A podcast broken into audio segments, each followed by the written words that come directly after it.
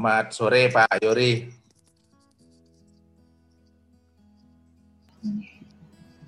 Halo. Halo, sore Pak Yori. Selamat sore. Wah, sore. apa kabar? Wah, baik, baik, baik. Wah, terima kasih nih. Sama-sama. Jam berapa di Bali? Jam 2 ya? Jam 4. Oh, jam, jam 4, 4 ya. Kami duluan. Makanya tuh pemandangannya udah agak sore itu. udah remang-remang.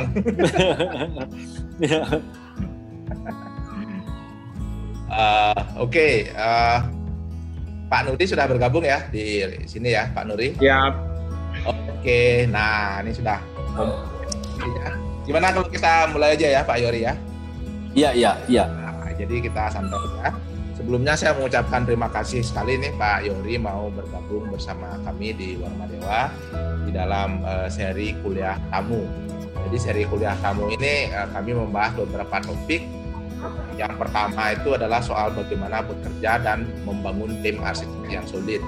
Kemudian yang kedua adalah bagaimana menghargai uh, heritage atau uh, warisan budaya yang sudah ada sebelum si arsitek berpraktek itu diisi oleh Pak Pupu. Yang ketiga adalah bagaimana menangani atau bekerja uh, sama dengan klien yang diisi oleh Pak Ketut Arkana. Yang keempat diisi oleh Pak Ketut Siandana dengan topik tanggung jawab arsitek terhadap masyarakat. Nah, yang kelima kemarin using uh, topiknya adalah bagaimana mengadvokasi masyarakat yang kurang beruntung di dalam arsitektur. Nah, yang terakhir ini kami sangat senang sekali Pak Yori mau bergabung uh, dengan topik lokalitas, sesuatu yang memang uh, Pak Yori sangat concern di situ uh, semenjak Wairebo ya, kalau tidak salah ya. Uh, mungkin uh, sebelumnya sudah pernah, tapi Wairebo yang kemudian uh, membuat kesadaran kita semua terhadap isu lokalitas itu menjadi bangkit lagi, menjadi kita sadar betapa pentingnya isu-isu itu untuk kita angkat lagi di masa globalisasi ini. Nah, diskusinya nanti akan dipandu oleh Pak Nuri Artana dari Prodi Arsitektur Warma Dewa. Nah, selanjutnya saya persilakan Pak uh, Nuri Artana untuk memandu diskusinya. Silakan Pak Nuri. Uh, baik, terima kasih Pak Mangdi. Uh, Pak Yori, selamat sore. Selamat sore, Pak Nuri Selamat Artana. jumpa, Pak Yori. Izinkan nah, saya dulu menyampaikan beberapa hal berkaitan dengan diskusi ilmiah ini, Pak Yori. ya, kepada silakan. ya kepada seluruh peserta, saya harap um, mengaktifkan video dan um, kemudian mematikan audionya. Jadi videonya mohon diaktifkan. Baik. Selanjutnya saya ingin sampaikan uh, untuk membuka ini bahwa topik kita hari ini adalah penghargaan atas lokalitas. Jadi lokalitas ini penting uh, di dalam arsitektur. Jadi penjejakan atau penelusuran masa lalu, kemudian melihat perkembangan pada masa kini dan nanti anda akan dapat memprediksi uh, ke masa depan itu seperti apa. Nah, khusus berkaitan dengan lokalitas ini, utamanya diperuntukkan agar kita menjadi sadar bahwa apa yang kita miliki dan dimiliki oleh masing-masing daerah yang begitu banyak variannya itu memiliki apa namanya kecemerlangan, memiliki keunggulan. Nah, inilah yang penting untuk kita bersama-sama hargai demi mempertahankan identitas. Nah, pembicara hari ini yang sangat eh, apa namanya concern terhadap lokalitas ini eh, adalah Bapak Yoriantar. Jadi nama lengkap beliau adalah Gregorius Antar Awal. Jadi beliau lulusan jurusan arsitektur Universitas Indonesia. Jadi beliau menyelesaikan studi itu pada tahun 88. Kemudian perjalanan eh, beliau berkaitan dengan eh, apa namanya arsitektur jadi di tahun 89 beliau bersama teman-temannya mendirikan arsitek muda Indonesia. Kemudian di tahun 2008 mendirikan Yayasan Rumah Asuh. Jadi yayasan inilah yang kemudian concern terhadap uh, perlindungan dan pelestarian uh, arsitektur lokal. Kemudian di tahun 2010 beliau juga mendirikan bersama teman-teman beliau mendirikan Liga Merah Putih. Jadi Liga Merah Putih ini adalah komunitas fotografer. Jadi melalui foto juga beliau menyampaikan pengetahuan-pengetahuan tentang arsitektur. Jadi perjalanan eh, karir beliau kemudian eh, banyak meraih berbagai penghargaan. Jadi dari sejak tahun beliau berkarir di arsitektur sampai pada yang paling uh, terkini jadi penghargaan dari Lifetime Achievement Award Academy Jakarta di tahun 2020. Kemudian berbagai buku beliau juga sudah terbitkan, jadi dengan berbagai uh, judul yang membawa kita kepada uh, apa namanya pengetahuan tentang uh, keindonesiaan. Nah berikut uh, beliau ini juga kini menjadi direktur atau desain manager di PT Han Awal and Partner Architect. Jadi saat ini beliau menjadi desain manager di PT Han Awal and Partner itu. Jadi yang sangat fenomenal dari kegiatan-kegiatan beliau yang berkaitan dengan lokalitas ini Anda bisa uh, shot di segala apa namanya uh, media itu adalah Wairebo. Jadi di Wairebo itu beliau memperkenalkan uh, arsitektur baru Niang itu. Jadi termasuk kemudian kegiatan beliau, actionnya adalah mengkonstruksi kembali bangunan-bangunan Wairebo itu yang eh, apa namanya yang mengalami kerusakan. Nah, jadi itu eh, profil beliau. Jadi oleh karenanya pada tema diskusi ilmiah kita kali ini beliau kita undang untuk memberi kita pengkayaan wawasan tentang lokalitas, kemudian eh, memperluas pengetahuan kita juga, jadi tentang lokalitas. Eh, Selanjutnya, uh, saya berharap semua yang uh, audien yang mengikuti kegiatan ini uh, untuk mematikan HP atau menggunakan mode silent agar tidak ada gangguan visual pada saat uh, kegiatan ini berlangsung. Jadi nanti setelah Bapak Yori memberikan pemaparan materi beliau. Nanti di sesi yang terakhir kita akan lakukan uh, diskusi atau tanya jawab. Jadi silahkan Anda uh, apa namanya uh, berdiskusi dengan Pak Yori menanyakan hal-hal yang terkait dengan lokalitas ini. Jadi pertanyaan bisa disampaikan secara langsung atau menggunakan fasilitas chat yang ada pada uh, Zoom ini. Jadi demikian uh, pembukaan untuk acara diskusi ilmiah ini. Selanjutnya waktu saya persilahkan kepada Bapak Yoriantar untuk uh, pemaparannya. Silakan Pak Yori. Ya, selamat sore. Suara saya terdengar? Terdengar Pak, jelas ya. sore.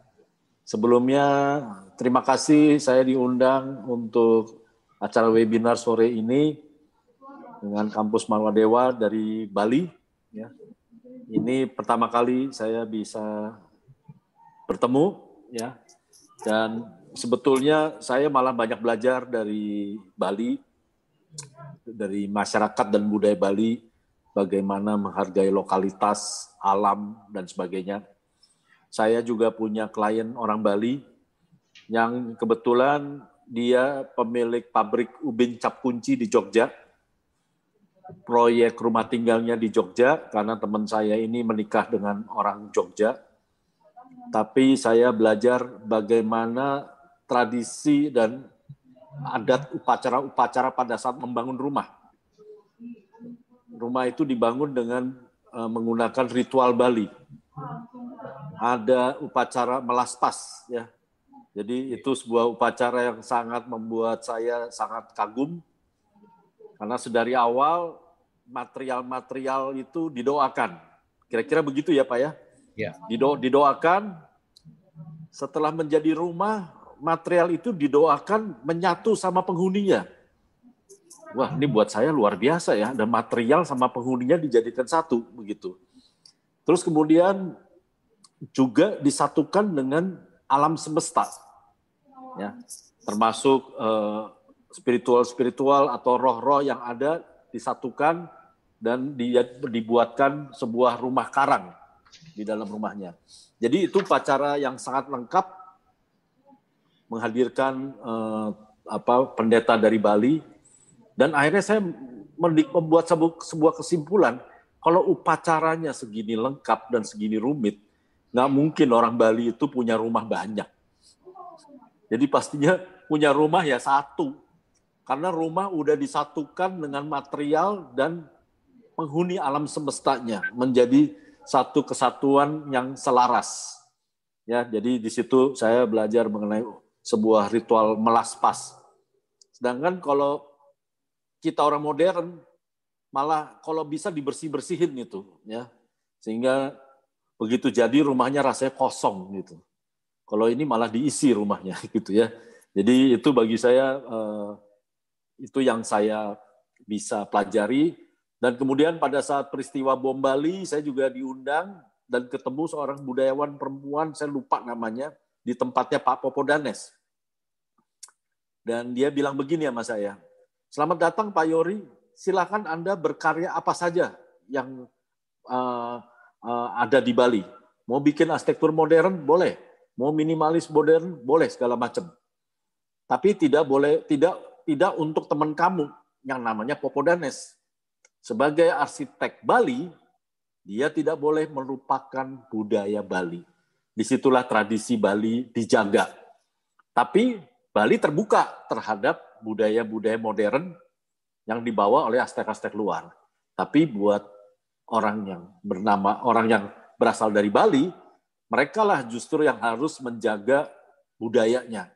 Jadi seorang Popodanes nggak boleh keluar dari pakem-pakem arsitektur tradisional Bali. Sehingga Popodanes ini malah dikenal karyanya di seluruh dunia dengan arsitektur Bali yang modern, yang tropis juga.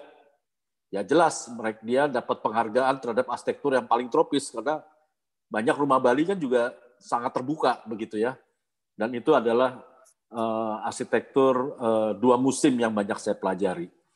Dan mungkin sedikit tambahan, setelah saya banyak melestarikan rumah-rumah adat, saya juga banyak eh, masuk ke dalam proyek-proyek pemerintah yang disebut KSPN, Kawasan Strategis Pariwisata Nasional. Dan itu semua proyek-proyek PU yang juga berbasis kelokalan. Semua harus berbasis kelokalan ya. Proyek PU itu nggak boleh pakai material luar. Semua material harus lokal. Terus kebetulan kalau KSPN-nya ada di wilayah-wilayah yang arsitekturnya, budayanya kuat. Tidak hanya materialnya lokal, tapi budayanya juga lokal. Misalnya, kalau ada di Labuan Bajo, ya arsitektur yang kami pakai ya arsitektur budaya Manggarai. Materialnya harus lokal. Lokal itu dalam dalam arti apa? Misalnya saya menggunakan material granit Cina, import, udah pasti dicoret udah pasti itu dicoret. Terus kemudian masuk material batu andesit, ya.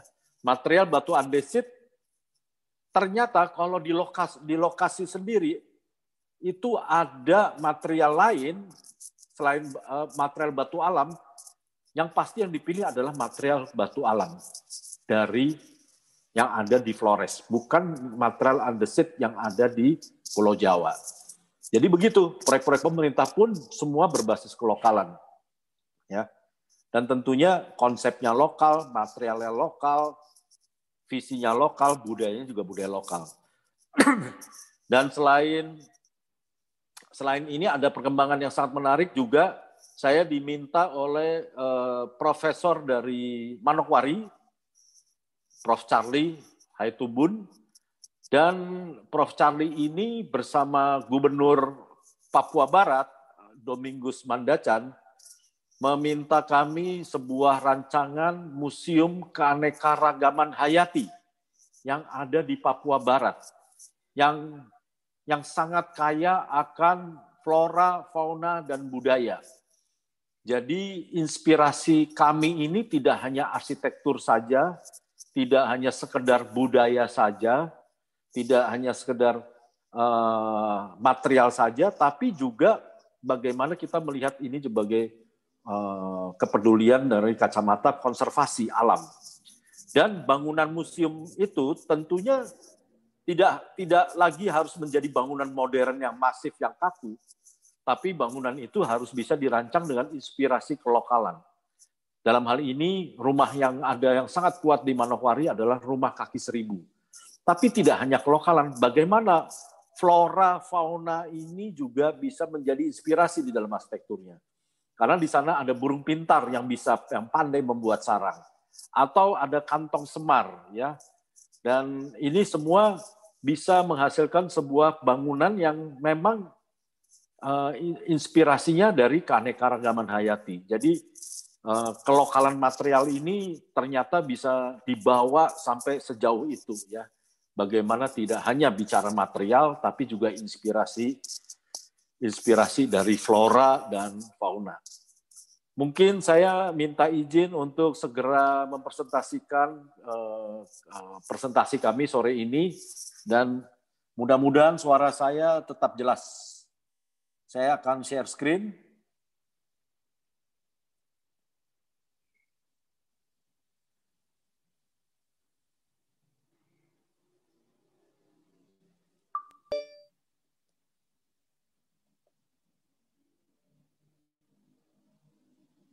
Mohon izin, apakah gambar ini keluar?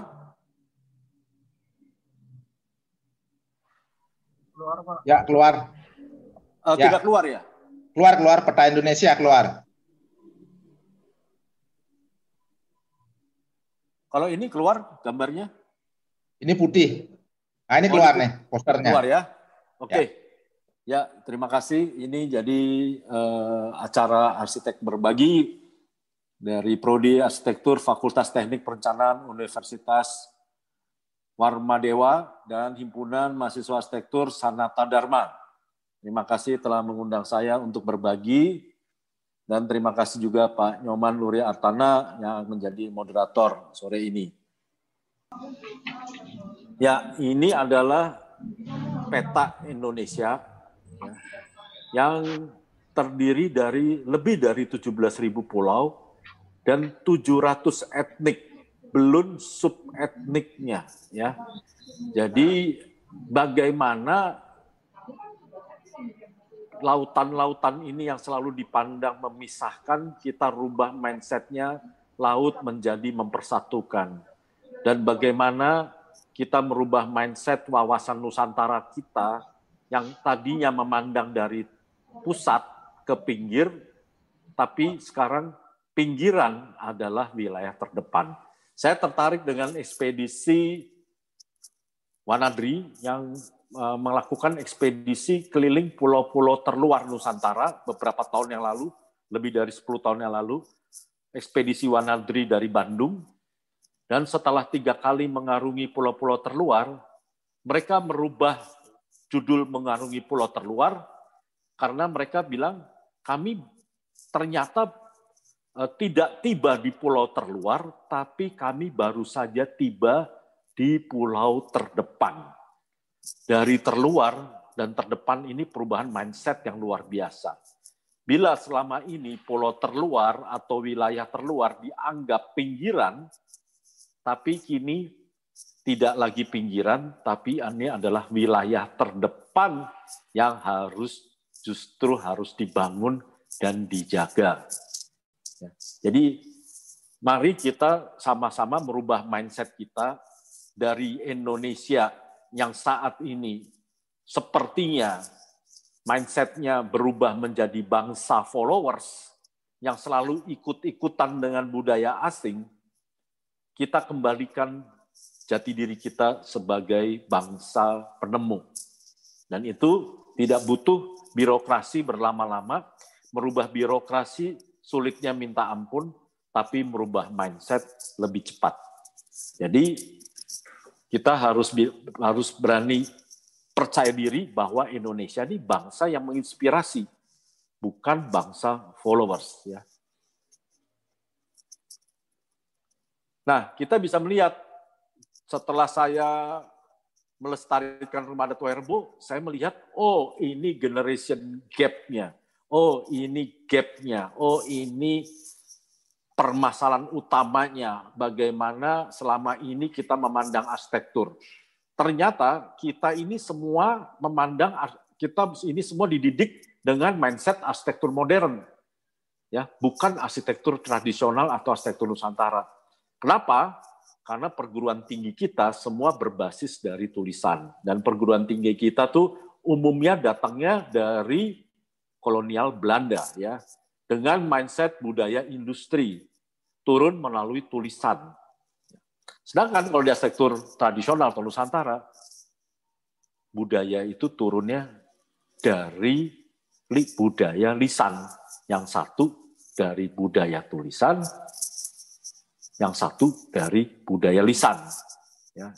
Di sinilah letak perbedaannya.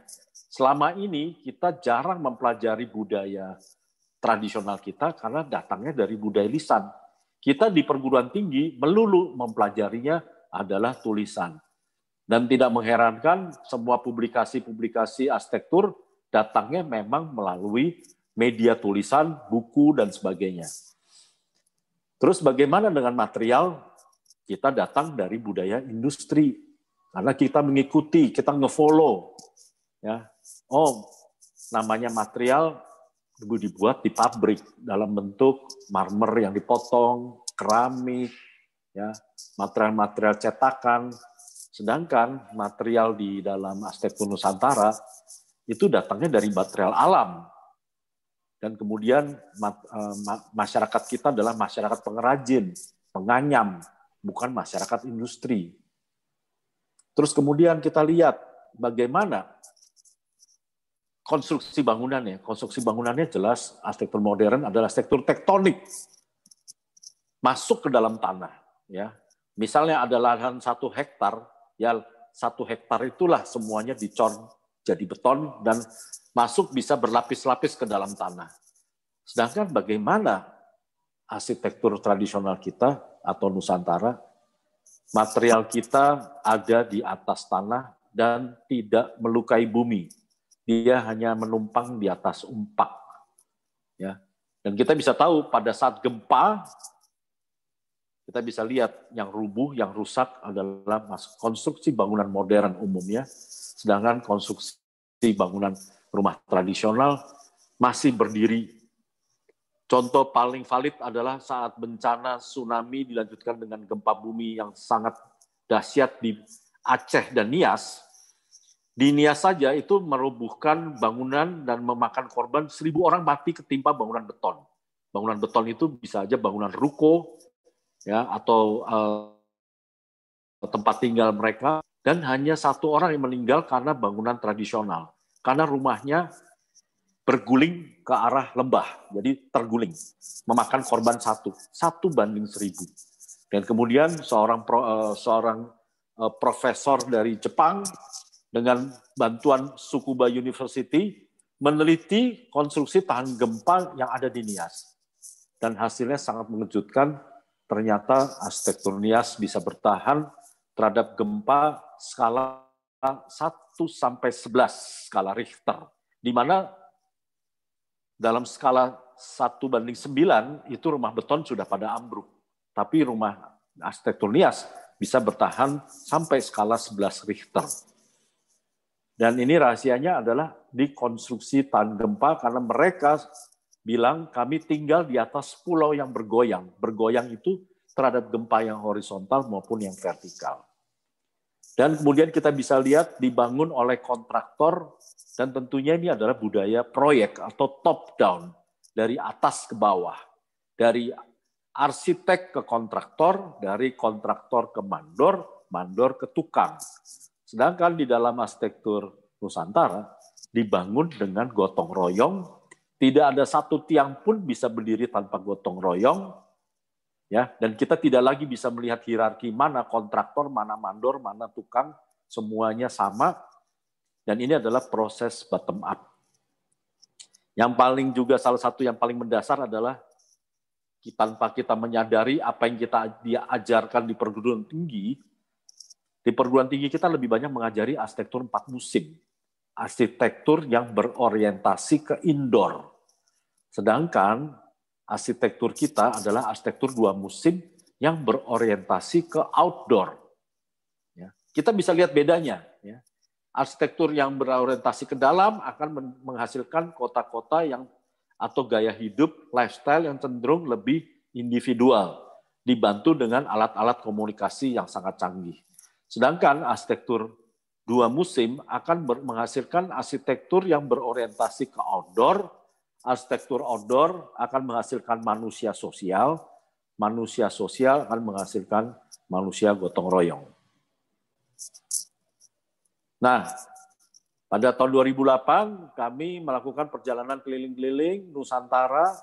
Sebelumnya perjalanan ini sudah kami lakukan sebelumnya pada dari tahun 2005, 2006, 2007, 2008 kami tiba di Wairebo dan di situ kami melihat Wairebo memiliki arsitektur yang nggak pernah dibahas sebelumnya, tidak ada di dalam catatan, juga tidak ada dalam peta pariwisata di Manggarai. Hanya bermodal sebuah foto di internet, kami mencari desa itu sampai dua hari, dan untuk mencapainya kami harus melakukan perjalanan sepanjang 8 jam, tidak ada jalan, semua hanya bekas jalan setapak, dan di situ kami menemukan sebuah permukiman masyarakat adat dengan empat rumah adat yang tersisa. Dan pada saat kembali, kepala suku memberikan pernyataan yang sangat mengganggu saya. Bagi kami, orang dari Jakarta adalah orang tua kami. Udah. Dan itu pertanyaan yang sangat mengganggu, kenapa kami dibilang orang tua. Dan akhirnya kami menemukan jawaban dari teka-teki itu semua. Ternyata apa yang kami lihat, ibarat kami ini seorang dokter melihat pasien yang sedang sekarat, dan kami lebih sibuk dengan penyakit yang kami temukan, tapi pasiennya tidak kami urus dan akhirnya mati. Secara profesi kita melanggar etika profesi. Kita melakukan pelanggaran etika dan itu dosa.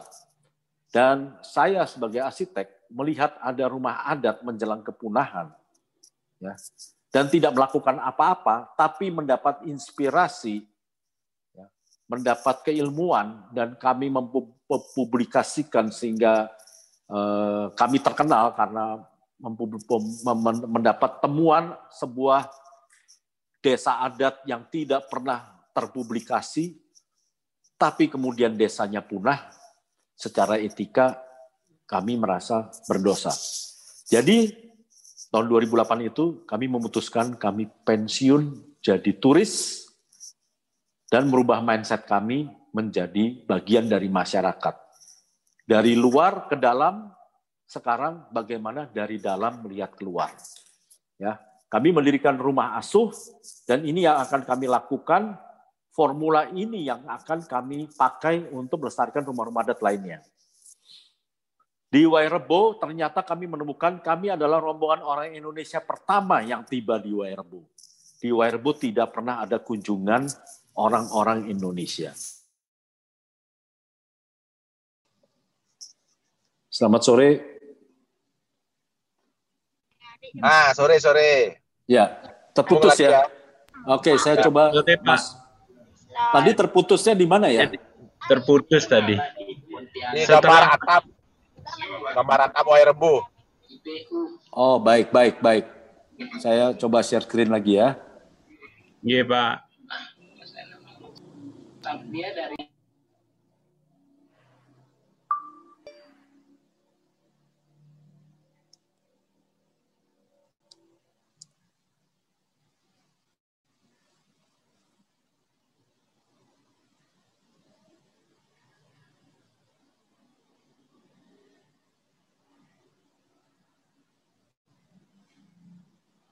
Apakah gambar ini bisa tampil? Belum, Pak. Ini ini belum. tampil? Belum, Pak, belum. Belum, belum. di share screen ya, belum, Pak. Oh, baik, coba sekali lagi ya. Iya. Sekali sebulan setiap hari Rabu biasanya. Mereka dengan Pak Jarod, dengan ya. Prof. Itu ya Hmm. Bisa bantu enggak bapaknya nge-share anu ya? Ya. Iya. Di dibuka filenya dulu pak. Ah, nah ini sudah pak. Ini sudah ya baru, ya tadi ya? Ba ya baru niang werebo ini. Kalau ini sudah belum? Oh, oh belum pak. Belum. Tadi gambar atap itu pak, yang dari atas setelah peta Indonesia pak. Ah, setelah peta Indonesia? Iya, iya, iya. Di awal-awal tadi, Pak. Nah, ini sudah? ya, ini ini yang belum, Pak. Mulai sini yang tadi terputus. Oh, baik, baik, Ye. baik. Ye, silakan Pak ya. Oke. Okay. Mohon maaf, mohon maaf sebelumnya saya lanjutkan.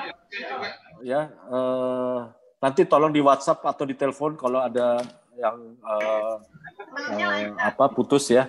Baik Pak, baik. Ya, jadi uh, tahun 2008 saya melakukan kunjungan uh, perjalanan uh, ke daerah-daerah.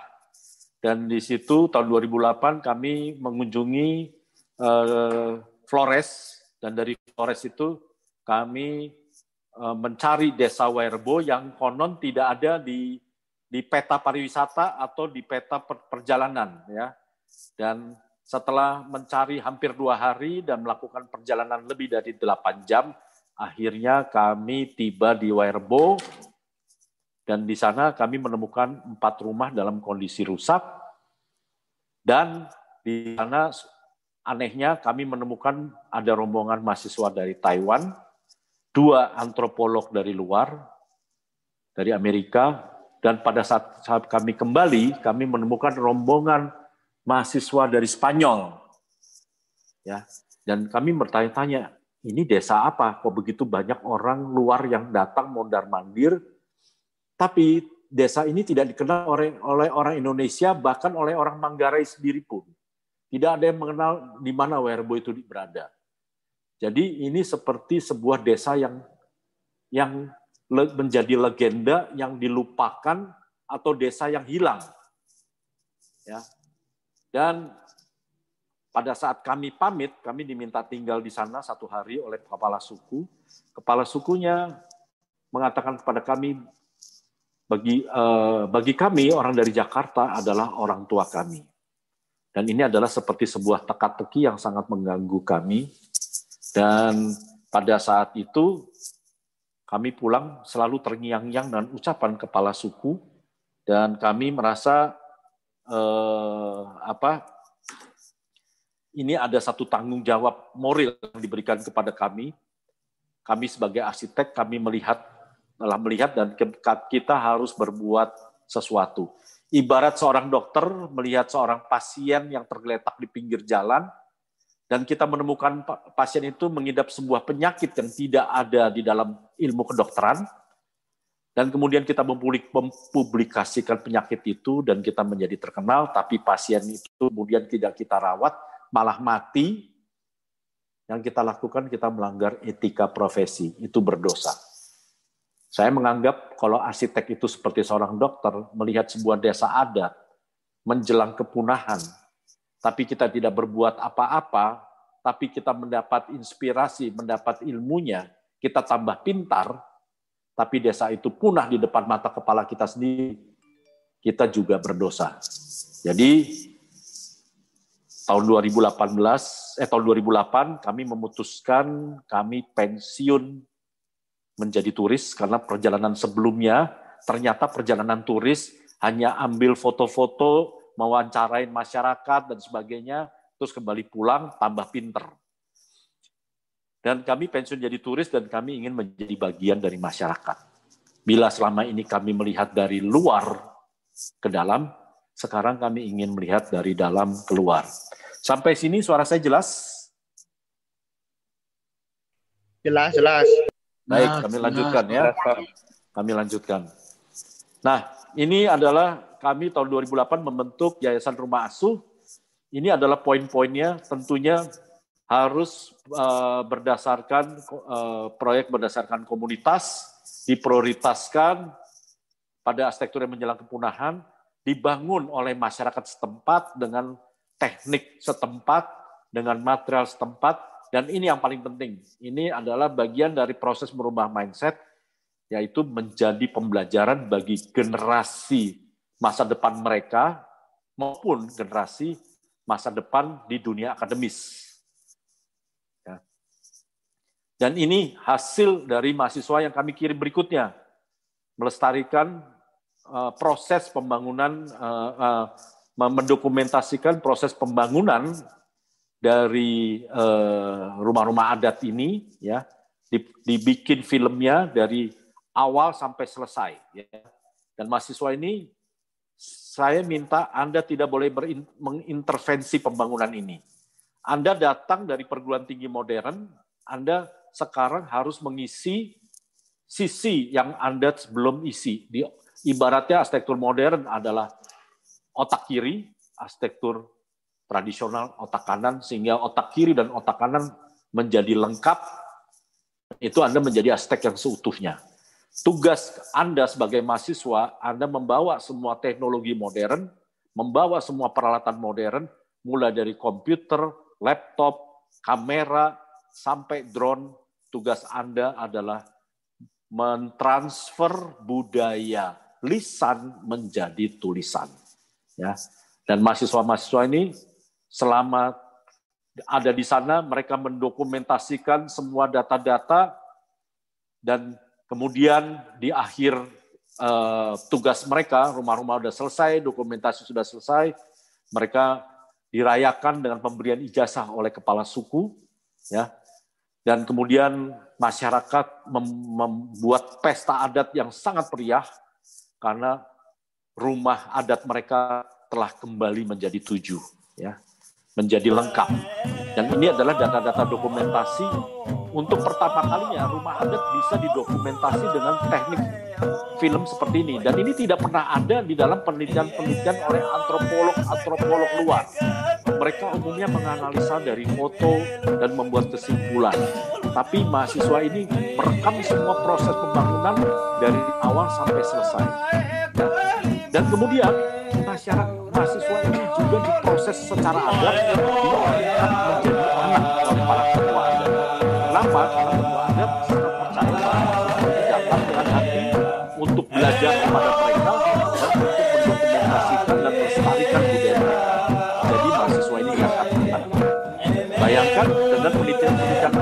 yang kemudian dia ambil datanya dari orang lain, bukan dari tetua-tetua adat Sedangkan mahasiswa ini setelah diangkat anak, mereka mendapat data-data kualitas satu oleh para tetua-tetua adat. Dan mereka juga dibuat acara wisuda yang sangat mengharukan. Di sinilah para tetua adat melepas mahasiswa itu untuk pulang kembali ke kotanya masing-masing. Nah ini ada suaranya dari Prof. Yosef ya, pendengar. Satu orang yang menerima. tangan taruh di depan.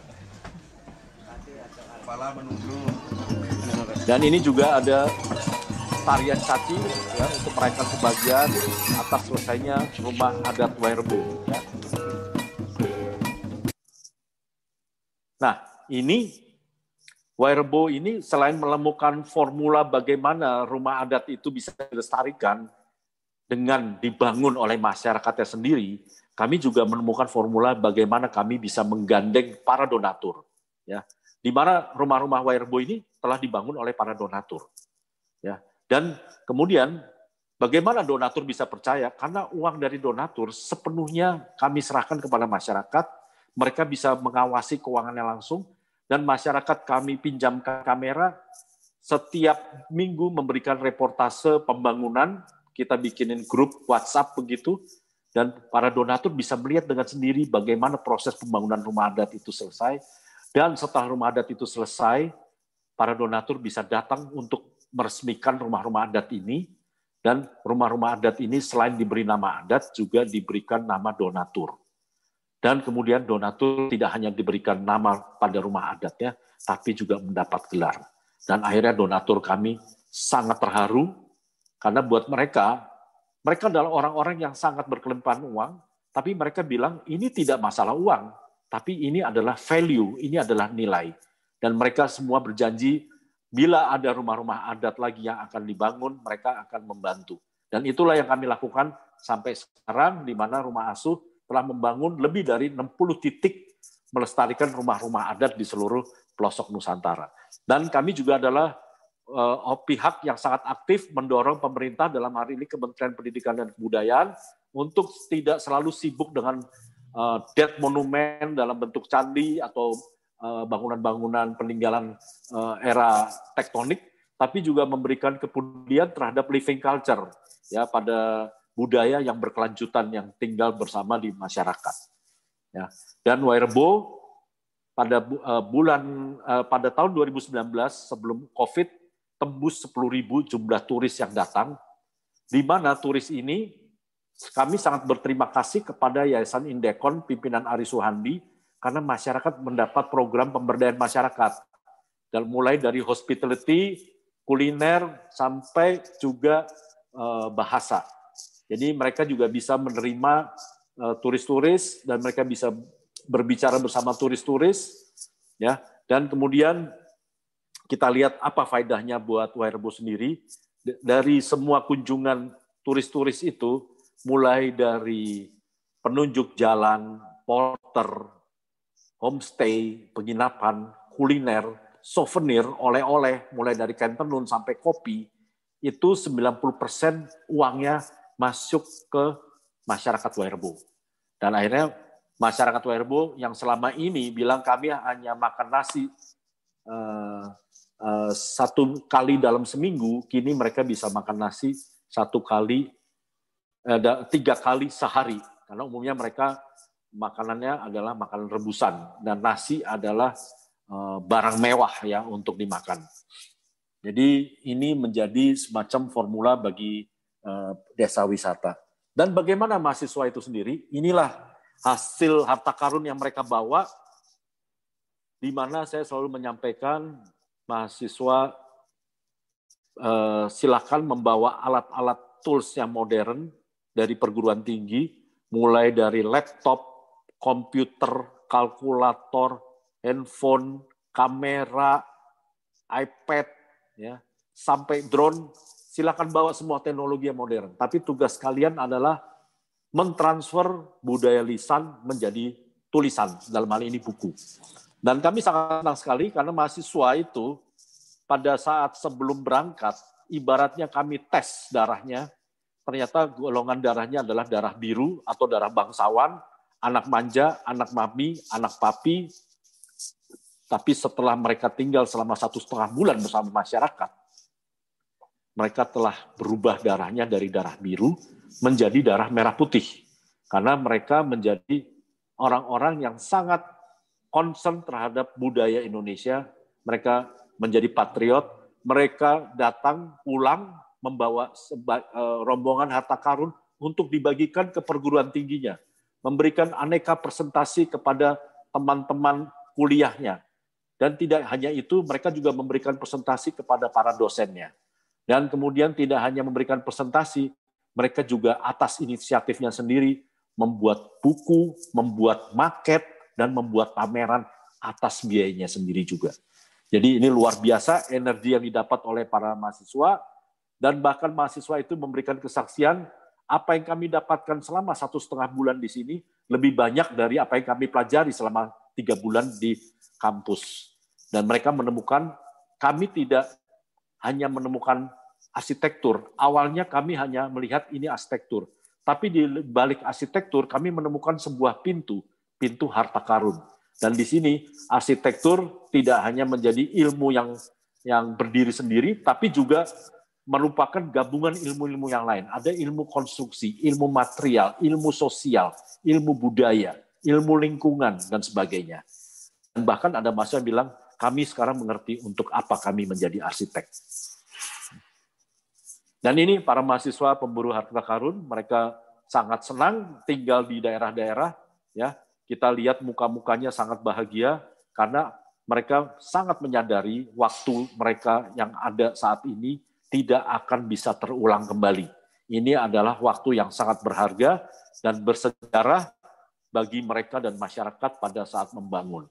Di sebelah kiri ada mahasiswa dari Untar yang kami taruh di di pedalaman Wamena uh, untuk mendokum, mendokumentasikan masyarakat membangun rumah-rumah Honai. Dan setelah kami taruh tiga minggu, mahasiswa itu malah minta extend tiga minggu lagi. Di atas kami kita bisa lihat mahasiswa yang kami taruh di Sumba selama satu setengah bulan. Di sana pas kami menjemput mahasiswa itu, kami menemukan mahasiswa ini sudah berpakaian adat, membawa parang, juga mengendarai kuda dan teriak-teriak dalam bahasa lokal.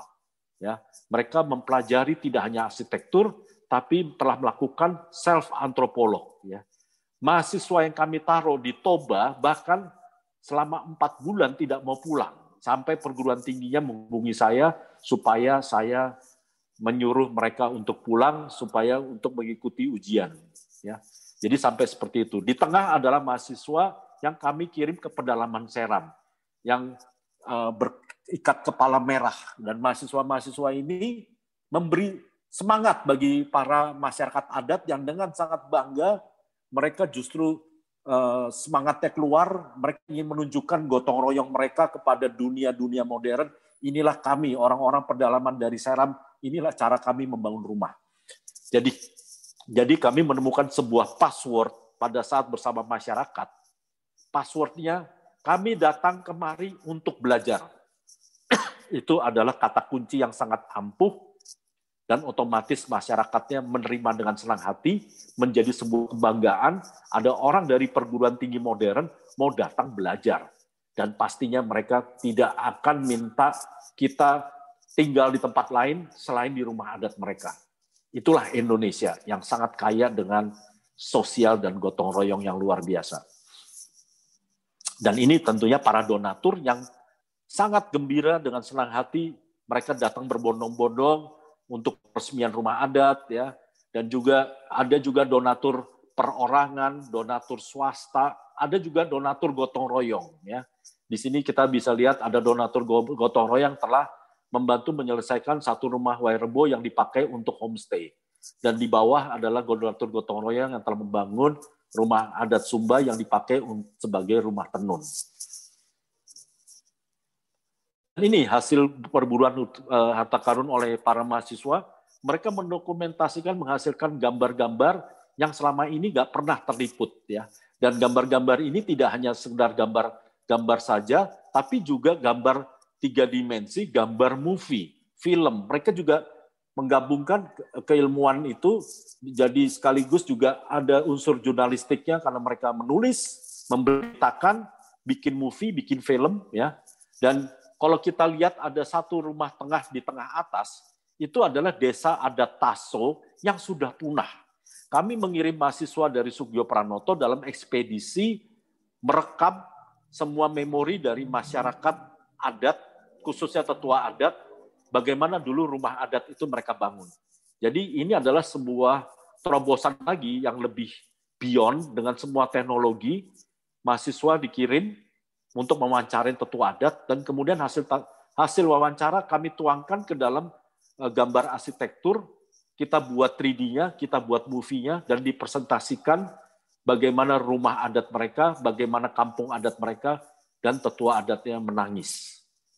Dan mereka ingin bukan tidak mungkin uh, apa rekonstruksi melalui memori ini bisa dibangun kembali.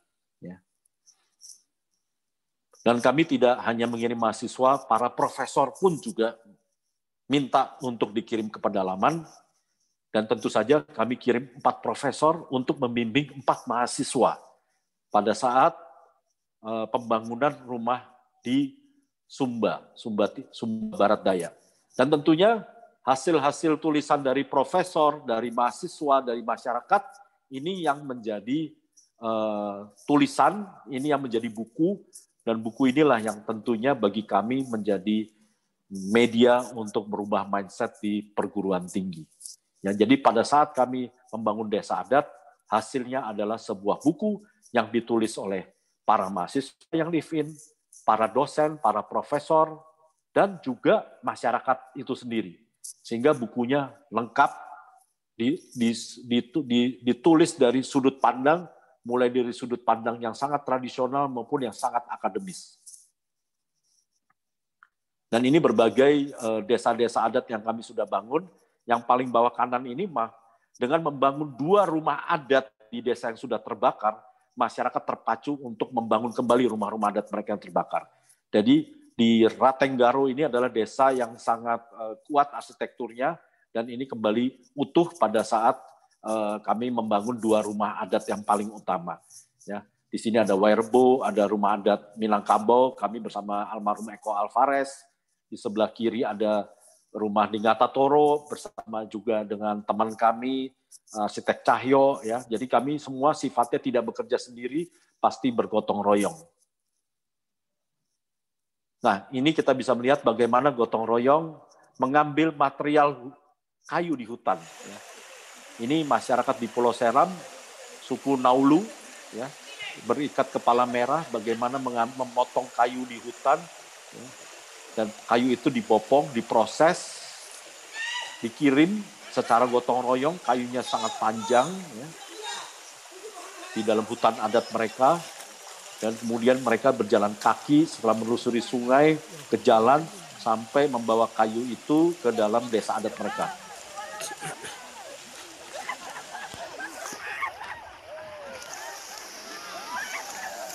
Dan kemudian di desa adat sudah menunggu Eh, kayu itu untuk dimasukkan ke dalam rumah. Dan kemudian sebelum dimasuk ke dalam rumah, kayu itu diproses dulu oleh masyarakat, dihias, dirias, dimasukkan ke dalam tandu, seperti membawa mempelai wanita ke dalam rumah. Jadi proses mereka sangat menghargai material, menghargai ditarikan, didoakan, diminta izinnya kepada alam, dan kemudian material ini menjadi bagian dari dari rumah itu. Ini ini adalah tiang utama, tiang utama di dalam pembangunan rumah adat di Seram. Kami sudah membangun dua rumah dan merehab dua rumah. Total ada empat rumah yang kami bangun di titik Pulau Seram. Dan ini hasilnya dari mahasiswa yang live in, mereka merekam semua proses pembangunan rumah adatnya. Jadi kami memiliki dokumentasi yang lengkap. Dan tidak hanya itu, mereka juga mahasiswa itu pasti nggak akan hanya puas mengambil satu ilmu.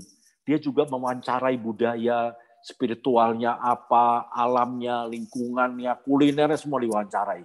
Mereka telah melakukan self antropologi sehingga tidak mengherankan mereka selalu kembali dengan narasi kami baru saja kembali membawa harta karun. Dan inilah dua rumah adat yang sudah kami bangun di pedalaman Naulu, Seram. Ini di Papua ya. Ini kegiatan kami di Papua. Kami sudah membangun menara kayau, menara pemantau, juga kami sudah membangun uh, membangun uh, bentar.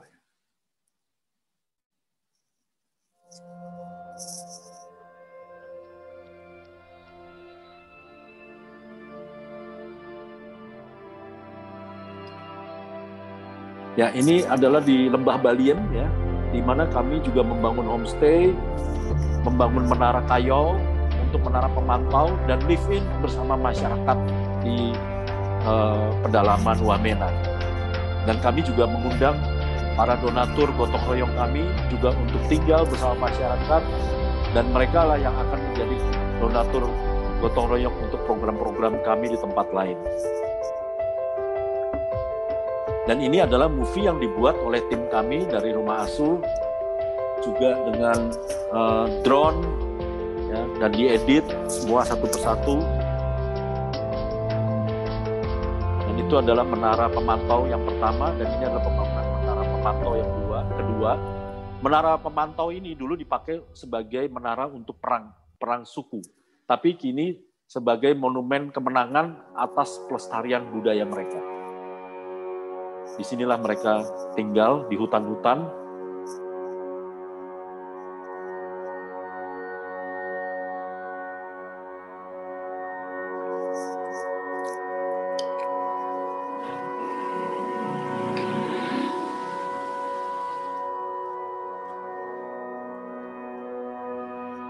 Ya mereka uh, umumnya pasti mereka adalah suku-suku warrior juga. Mereka selalu bawa alat-alat pertahanan ya. mereka tinggal seasli aslinya di dalam pedalaman Wamena dan di sini ada prosesi membangun menara pemantau jadi kita bisa melihat beberapa generasi sekaligus terlibat generasi yang tua mengawasi yang muda membangun generasi yang muda membangun generasi anak-anak melihat bagaimana orang tuanya membangun. Tiga generasi merasakan pembangunan uh, uh, budaya mereka sendiri.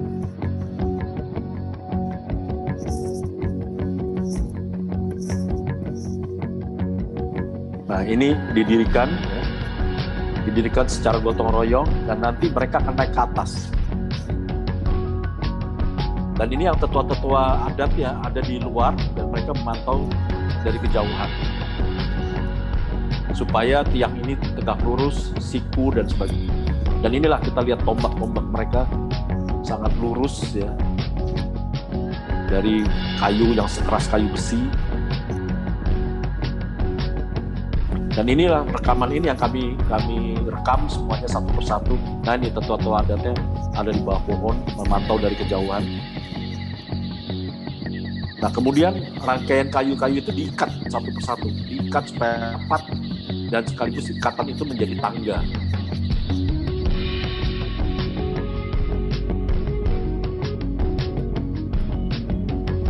Materialnya semuanya material yang diambil dari material alam, sehingga pada saat kami mengumpulkan para donatur, ya, uangnya kelebihan banyak. Yang terpakai itu hanya 15 juta Padahal kami mengumpulkan uang sampai 120 juta. Dan akhirnya sisa uang itulah kita pakai membangun homestay, membangun rumah-rumah adat mereka. Karena material ini yang cari mereka dan materialnya ada di di alam mereka sendiri gitu. Dan material itu dipakai sebagian juga buat upacara. Ya, upacara apa mengumpulkan material dan upacara pada saat menara kayu ini menjadi menara adat mereka mereka potong tepi, masak di situ dan sebagainya. Jadi biayanya lebih untuk mungkin kendurian untuk makan bersama. Nah ini para donatur kita juga sudah uh, ikut mengabadikan semuanya satu persatu. Kita bisa melihat. Nah inilah kekayaan Indonesia yang sangat luar biasa. Ini bisa menjadi inspirasi sebuah menara, sebuah menara gardu pandang, atau sebuah tower di dalam kota-kota modern kita.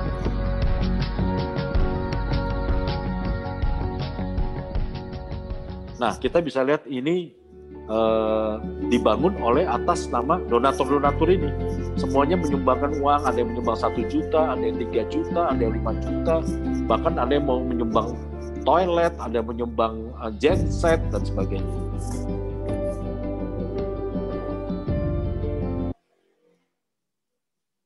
Ya, jadi mereka uh, sebuah kebanggaan, kemenangan karena melestarikan dan menjaga budaya mereka. Ini mas, uh, masyarakat dari desa Suroba yang membangun menara kayu ini. Dan kemudian ini homestay yang kita buatkan karena mereka juga sering kedatangan turis-turis dalam rangka festival Wamena. Ya. Jadi mereka menggam, mereka tidak seperti kita arsitek yang menggambar seperti ini. Mereka bisa gambar semua terbalik satu sisi satu kanan. Dan ini adalah gambar dari kepala suku. Luar biasa sekali ini. Dan kemudian tiba-tiba mengunculkan bangunan berlantai dua restoran dalam bentuk honai berlantai dua. Ya. Dan ini yang kami lakukan, kami bangun satu persatu dan sebagainya. Ini kita serahkan kepada mereka dan inilah menjadi homestay bagi mereka. Dan ini adalah para donatur. Bagi kami mudah sekali mengumpulkan para donatur karena pasti begitu kami ada kegiatan bersama di pedalaman ya dan mereka melihat foto-foto yang kami buat dan kemudian mereka mengomentari kalau ke sana saya mau ikut, tolong ajak saya. Ya udah, orang-orang itu saya hubungi. Kalau mau ikut sama saya, kita bukan trip donatur loh. Trip gotong royong bersama masyarakat adat. Oh, mereka makin tertantang. Tapi kamu ke sana harus nyumbang. Kamu harus jadi donatur. Berapa sumbangannya? Ya minimal sejuta. Ya udah, mereka jadi donatur. Nanti kita serahkan, kita bikin plakat dan kita serahkan kepada masyarakat plakat itu. Dan semua ritual ini mereka nikmati sekali. Tinggal bersama masyarakat selama tiga hari, selama lima hari, dan sebagainya. Dan akhirnya ini seperti menjadi desa bersama. Nah ini perjalanan rumah asuh, kami sudah sudah melestarikan uh, berbagai macam kegiatan, mulai dari Nias, Rumah Minang, di Kalimantan, Sulawesi, Seram, sampai Papua, bersama para donatur. Ini adalah proyek sosial. ya Proyek sosial, tapi bagi saya ilmunya sangat banyak, ilmunya nggak bisa dinilai dengan uang, tapi eh, apa eh, semua didanai oleh donatur ya. Dan bagaimana perkembangan dari eh, ekspedisi-ekspedisi ini, riset-riset ini, ini ada sangat banyak manfaat bagi dunia arsitektur ya, juga bagi kami ya. Bagi kami dari Biro Arsitekkan Awal and Partners, bagi saya sendiri karena saya ter, uh, juga dengan selalu rajin tidak hanya Kementerian Pendidikan dan Kebudayaan, tapi pendidik Kementerian Pariwisata, Kementerian PU, terus juga Kementerian Perhubungan. Saya juga selalu mem, uh, tidak segak, tidak bosan-bosannya menggunakan narasi arsitektur Nusantara. Dan ternyata arsitektur Nusantara adalah narasi yang sangat mudah dikomunikasikan kepada masyarakat maupun kepada regulator pembuat keputusan kita sebagai aspek modern dan kita melihat arsitektur tradisional, kita menjembatani dua dunia, dua dunia, dua budaya modern dan tradisional, kita jembatani dan itu akan melahirkan inspirasi-inspirasi, ledakan-ledakan penemuan yang tidak ada habisnya. Ya. Dan ini kami lanjutkan dari program pelestarian rumah adat, ini yang sedang kami buat 10 jalur tenun Sumba sebagai program pemberdayaan masyarakat. Kami melihat Sumba memiliki kain tenun yang luar biasa pada saat melestarikan rumah adat, dan kami tertarik kalau begitu programnya kita kembangkan menjadi program pemberdayaan masyarakat khususnya ibu-ibu penenun. Ya kalau di dunia itu ada jalur Silk Road ya, Cina, India, Uzbek. Saya bilang di Sumba ada jalur tenun Sumba untuk menguak misteri kain tenun Sumba yang sangat luar biasa sangat kaya, sekaligus menjadi jalur wisata baru. Minimal ini di seluruh Indonesia nih semua bupati pasti pengen cita-cita punya jalur wisata tiga hari minimal. Dengan mendatangi rumah-rumah tenun ini sendiri bisa jadi lebih dari tiga hari. Dan akibatnya apa? Pariwisatanya berkembang, income langsung ke masyarakat. Karena semua kain tenun ini langsung dibeli langsung ke ibu-ibu. Bukan lagi dijual lewat ke pasar atau lewat pengepul yang membuat ibu-ibu penenun tetap miskin, tapi sekarang bisa dibeli langsung di rumah-rumah tenun. Ya. Dan ini yang kami lakukan. Kami membangun 10 jalur rumah tenun dan sekarang sudah jadi 8 dan beberapa di antaranya sudah menjadi destinasi. Ya sudah dipromosikan di dalam brosur-brosur pariwisata Bahkan satu rumah tenun bulan lalu didatangi 60 ibu-ibu dari DPR ya mereka men, men, menyewa pesawat bombardir datang pagi pulang sore hanya untuk ke uh, belanja kain tenun di uh, di di di Sumba Timur ya. Bayangkan ya. Sedangkan Sumba memiliki hotel-hotel kelas dunia yang mah mahal yang berkunjung David Beckham, Angelina Jolie, Gwyneth Paltrow, ya, Leonardo DiCaprio. Itu nama hotelnya Nihi Sumba atau Nihi Watu. Kita pun kalau menyewa di sana nggak bisa bayar rasanya karena per malam bisa 3.000 dolar dan harus satu minggu ya ada minimal lima hari sekarang buat orang Indonesia tapi jangan sampai turis-turis itu uangnya berputar di antara pemilik hotel yang orang asing dan barang-barang dijual oleh mereka sendiri. Bagaimana turis-turis itu kita bawa ke destinasi-destinasi seperti ini, ya. Dan kami sudah berhasil mempromosikan kain tenun Sumba dengan uh, mendatangi semua donatur hari itu belanja kain hari itu juga uang yang dibelanjakan mencapai 350 juta sedangkan rumahnya sendiri harganya 300 juta jadi dalam waktu tiga jam belanja sudah bisa menghasilkan satu rumah lagi begitu ya.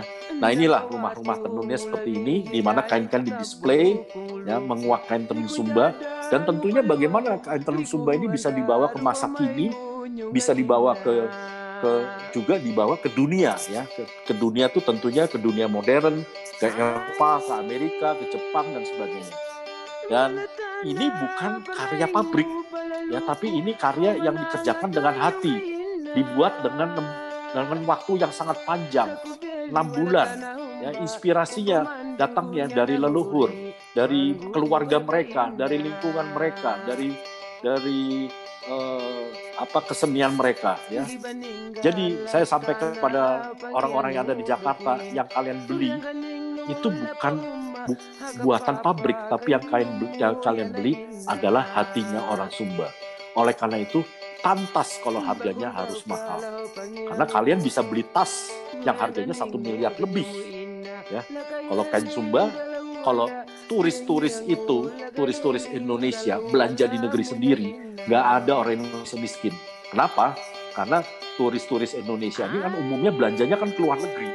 Uang kita yang lari keluar negeri. Jadi yang bikin yang kaya malah negara lain. Ya. Indonesia sangat diincar karena tuh kita punya budaya belanja di Asia yang punya budaya belanja ya Indonesia. Dan ini salah satunya kami diundang sama kedutaan Amerika untuk mempresentasikan jalur tenun Sumba. Duta besar Amerika yang mengundang. Ya. Dan kemudian ini juga membuat Sumba Night.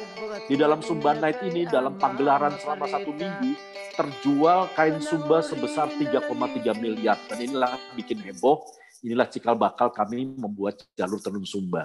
Dan ini adalah rancangan kenamaan Bian Wana Atmaja.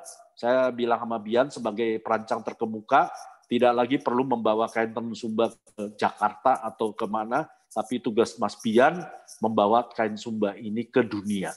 Sehingga dia mempromosikan kain-kain tenun Sumba ini sampai ke Paris.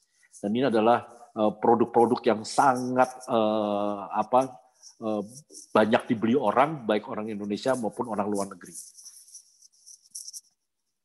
Ya, inilah beberapa rumah-rumah yang sudah diresmikan di beberapa tempat di seluruh pelosok Sumba.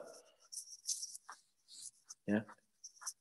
Dan kami 17 Agustus selalu membawa teman-teman donatur untuk merayakan 17 Agustus sekaligus mereka wajib pakai kain tenun Sumba.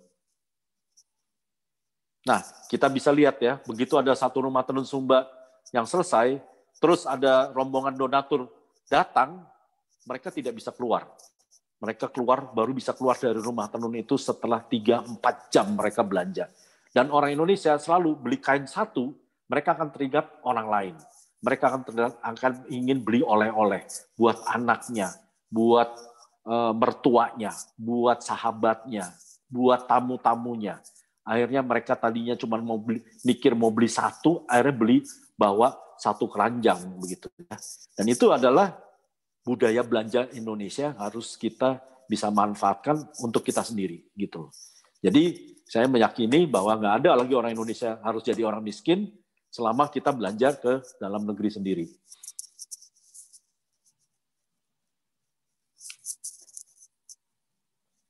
Nah ini adalah program kami didatangi kepala suku Dayak, Apai Janggut.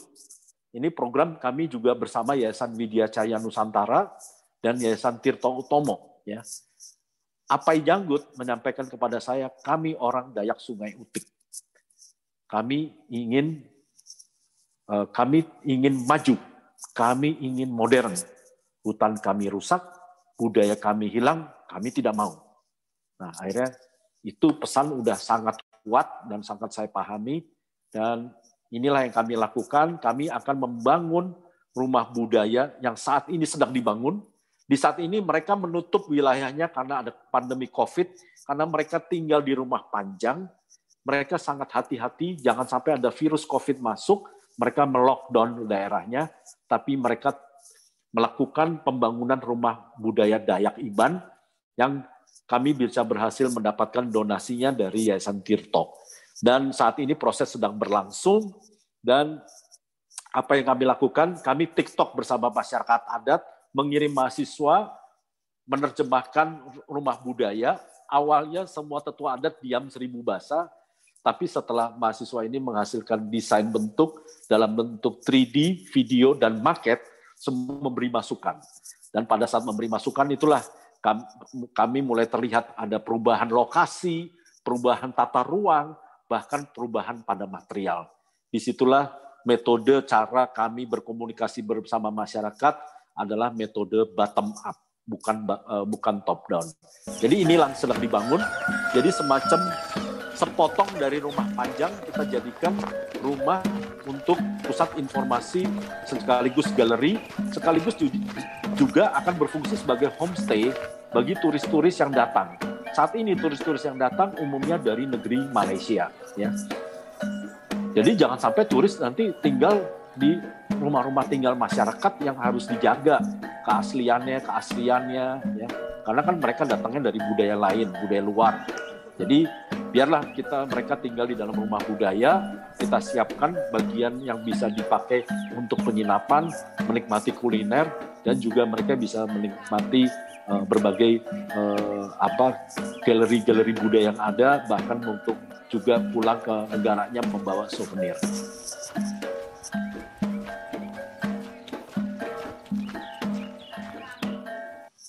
Dan ini mereka juga secara spiritual ya mereka juga ingin uh, minta dibangunkan gereja ya sebuah gereja Katolik di karena mereka umumnya menganut agama Katolik tapi mereka bilang mereka uh, selama ini jarang mengikuti ritual dan sebagainya tolong hadirkan gereja Katolik di desa kami Dayak Iban Sungai Utik. Nah tentunya pada saat kami bikin gereja tiktokan lagi sama masyarakat kami ingin gerejanya semua terbuat dari kayu jadi bukan gereja model gereja modern uh, dengan menara tower dan sebagainya. Sedangkan towernya ini adalah dari uh, bunga lot, uh, bunga semacam bunga lotus yang menjadi tato mereka, ya menara gardu pandang ini sekaligus menjadi menara lonceng. Dan mereka ingin semua tidak lagi duduk di kursi tapi di lampit. Dan altarnya mereka tidak mau lagi seperti altar gambar malaikat-malaikat seperti gereja Eropa, tapi altarnya adalah berbentuk dari relief dari pohon kehidupan. Jadi ini sangat dengan nilai-nilai kearifan lokal yang luar biasa, sangat menginspirasi, bahkan mereka juga ingin ada tangga adat ya, yang digunakan oleh khususnya masyarakat-masyarakat adat. Dan ini di dalam gereja ini ada relief pohon kehidupan, ya, of life jadi inilah uh, budaya yang ada di daerah Sungai Utik ingin modern, ingin maju, tapi mereka tetap budaya mereka, alam mereka tetap lestari. Dan masyarakat Dayak Utik juga menerima penghargaan uh, Kalpataru dari pemerintah Indonesia dan penghargaan internasional yang mereka sudah terima di Amerika. Jadi mereka adalah masyarakat penjaga hutan, mereka berkali-kali ditawari hutannya untuk dijual, tapi sampai kapan pun mereka tidak akan menjual hutan. Dan hutan itu sudah dipilih-pilih mana yang menjadi hutan produksi, mana yang menjadi hutan lindung. Dan kemudian kami memasuki program-program PU, ya program pemerintah, di mana kami membangun tidak lagi menggunakan dana donatur, tapi menggunakan dana pemerintah.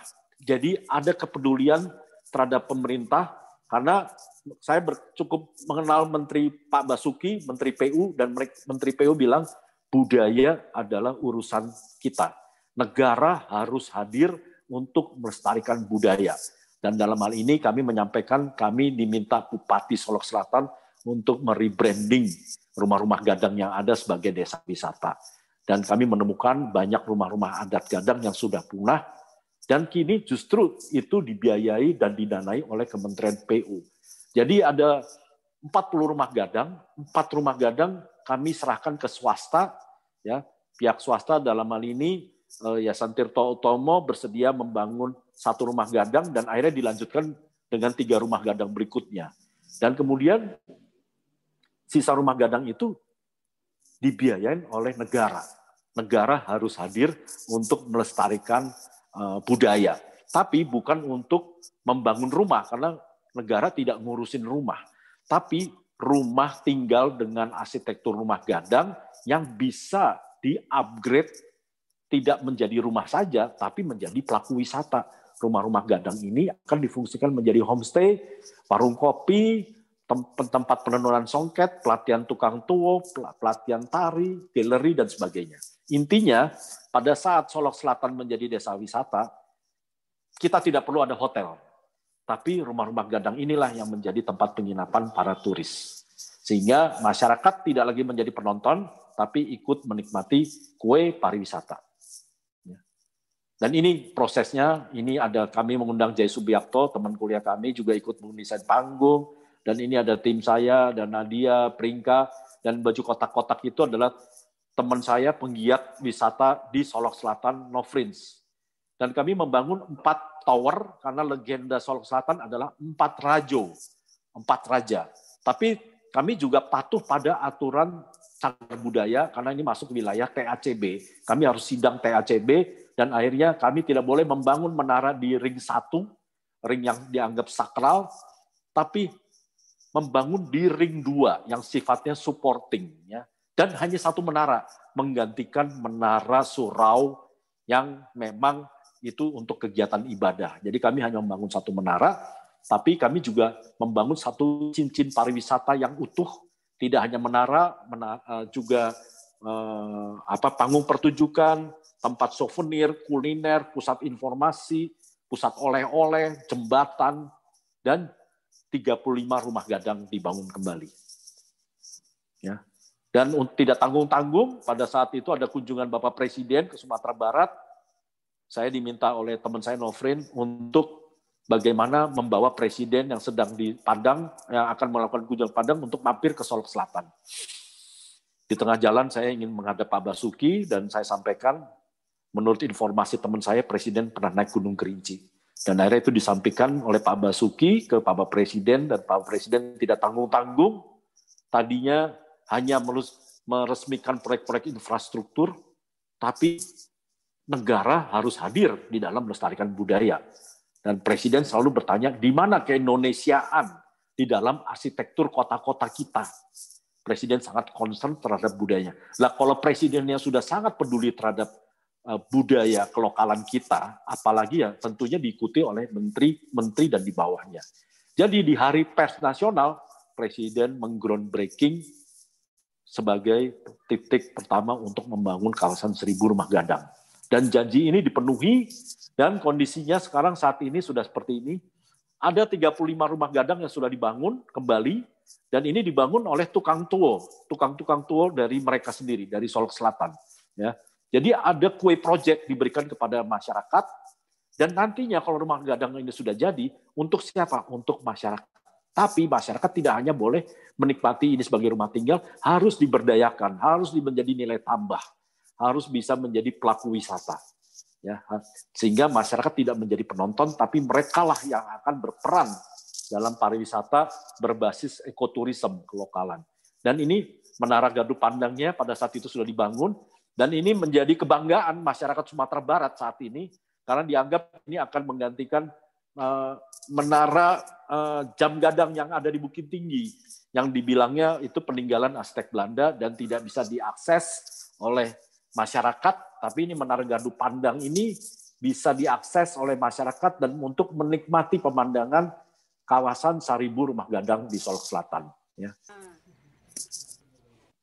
Harusnya hari ini saya ada di Solok Selatan ya tapi karena jadwal saya padat akhirnya saya meminta dua staf saya ke Solok Selatan untuk rapat bulanan ya karena hari ini saya teringat saya ada janji untuk dengan Universitas Marwadewa untuk memberikan presentasi tentang uh, kelokalan ini. Dan dua hari ini sedang ada tes lampu di mana para fotografer sudah berkumpul untuk mengabadikan menara gardu pandang ini. Dan ini tentunya akan menjadi sebuah kegiatan yang viral yang publikasinya justru datangnya dari masyarakat sendiri. Jadi bukan dari eh, apa dari eh, kami atau dari mana tapi datangnya dari eh, masyarakat sendiri.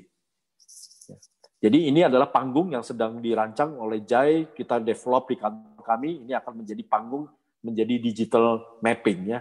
Dan dari Solok Selatan ini kami menemukan formula, memang bila proyek ini kalau kita bisa bangun dan bisa dibangun secara cepat ya, dan akhirnya bisa eh, bisa eh, membuat eh, apa menggerakkan pariwisata, ini sebuah formula, formula baru bagaimana program PU tidak hanya infrastruktur, tidak hanya proyek-proyek yang membangun uh, apa bangunan-bangunan baru, tapi juga bagaimana uh, juga melibatkan masyarakat dalam hal ini kehidupan mereka, uh, rumah-rumah adat mereka dan diberdayakan begitu. Nah ini adalah program dari KSPN nasional. Kami merancang Labuan Bajo, Toba dan Morotai ada tiga. Ini yang salah satu program kami yang berbasis material lokal, ya, berarsitektur lokal dan dengan tanaman-tanaman lokal yang ada di uh, puncak Waringin yang akhir tahun ini harus sudah selesai. Jadi ini ada bangunan yang sedang kami bangun, Anjungan Bajo berupa cantilever, satu paket sama kompas Bajo. Kompas Bajo ini adalah di puncak Waringin yang akan kami branding sebagai tempat souvenir, tempat souvenir dan kreatif hub. Semua material lokal, karena program PU semua harus lokal. Ya. Materialnya semua material-material alam. Ada batu keva, batu alam, yang tadinya speknya bisa saja batu andesit, ya. tapi andesit ini tidak ditemukan di sana, jadi batu-batu endemik yang kami pakai. Dan tentunya arsitekturnya adalah arsitektur Manggarai, ruang-ruang terbukanya untuk tarian-tarian lokal, dalam hal ini tarian caci dan sebagainya. Tapi bagaimana lokal ini bisa menjadi kelas dunia? Bagaimana kelokalan ini bisa menginspirasi dunia? Itulah yang kami uh, sedang kerjakan saat ini.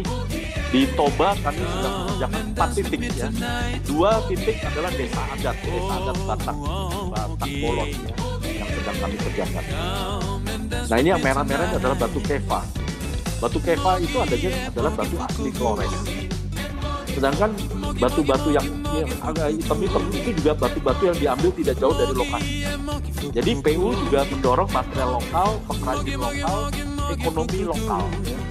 Jadi produk-produk pabrik pun kalau pabriknya tidak harus ada di Jogja, tapi bisa ada di Lombok, tentu yang dipilih yang paling dekat, menghidupkan uh, sentra industri lokal.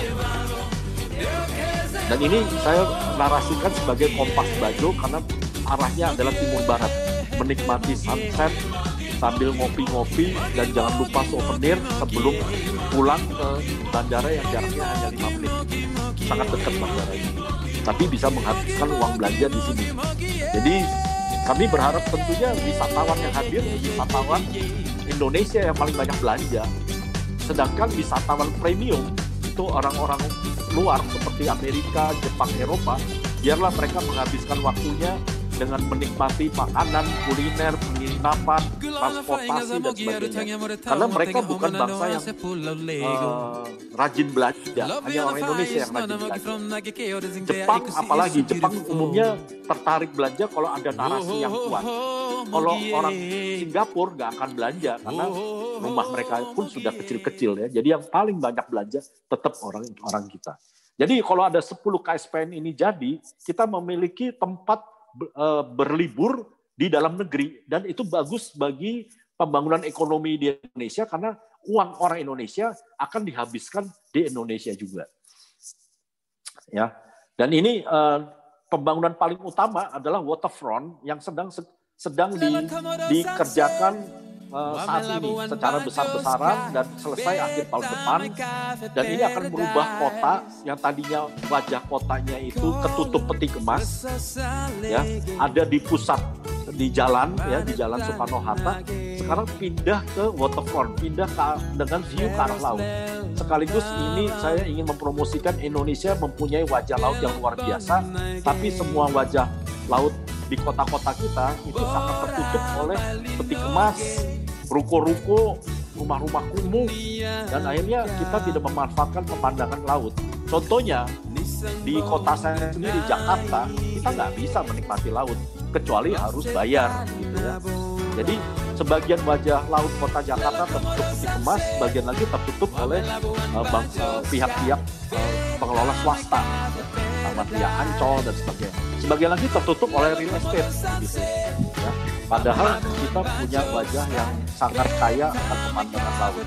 Nah inilah yang akan dibangun memiliki pemandangan waterfront yang kita judul, beri judul Tangga Bajo karena bangunan yang kita buat adalah bangunan tangga di mana fungsi-fungsi bangunannya ada di bawah tangga dan tangga ini untuk merayakan pemandangan sekaligus Pelabuhan Peti Kemasnya kami pindahkan ke tempat lain kosong dan ini adalah menjadi ruang publik dan tidak hanya ruang publik untuk berolahraga untuk duduk menikmati sunset tapi ruang publik sebagai masyarakat dua musim itu adalah ruang publik untuk berekspresi dengan berbagai kegiatan seni, tari, budaya dan sebagainya. Jadi bangunan juga dihidupkan dengan kegiatan ya tentunya di Bali sudah sangat familiar bagaimana eh, kegiatan-kegiatan seni tari budaya menjadi kehidupan sehari-hari. Dan ini kami berharap tentunya destinasi-destinasi ini juga diisi dengan sifat-sifatnya baik kegiatan fisik maupun non fisik. Nah ini adalah musik Manggarai yang dinyanyikan oleh uh, penyanyi Ivan Nestorman.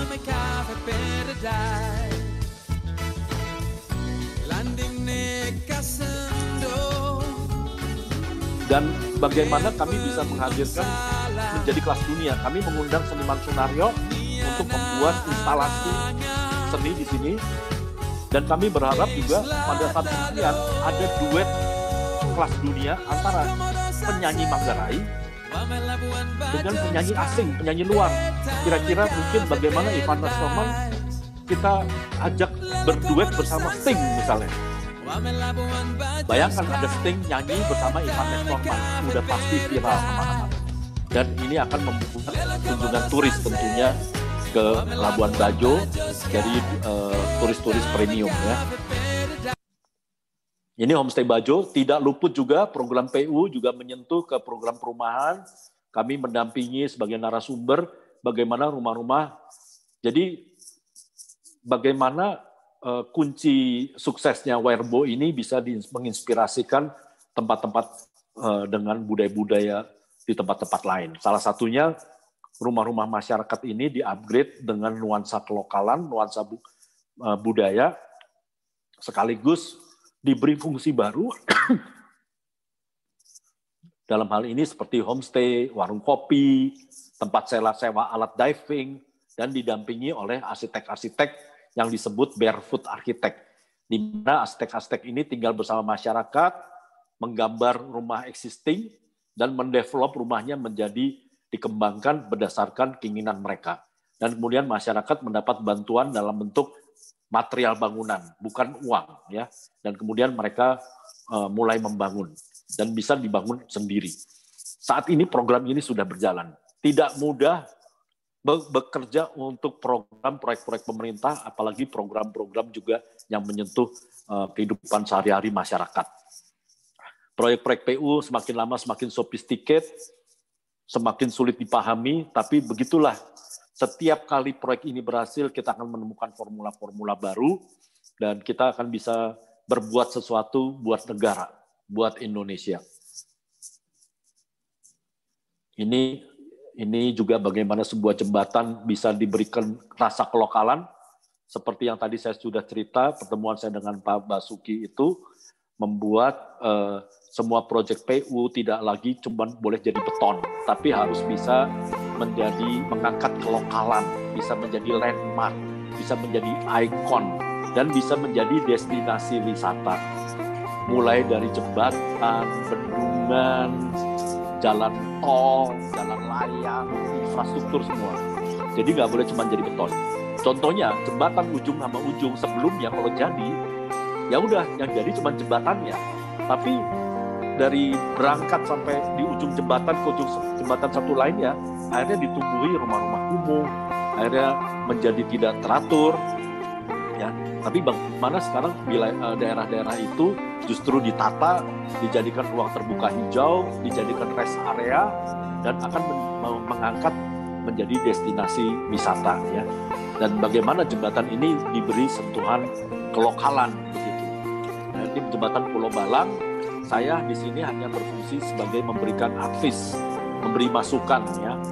Tidak semua masukan saya tentunya di, dikerjakan karena proses pembangunan jembatannya pun sudah berlangsung, tapi memberikan wide ideas. Memang saya diminta untuk memberikan wide ideas dan saya melihat jembatan ini harusnya bisa dinikmati di segala sisi mulai dari uh, tempat rest areanya, kolong jembatannya sampai atas di atas ketinggiannya kita bisa menikmati pemandangan yang luar biasa yang selama ini nggak pernah diolah sebelumnya.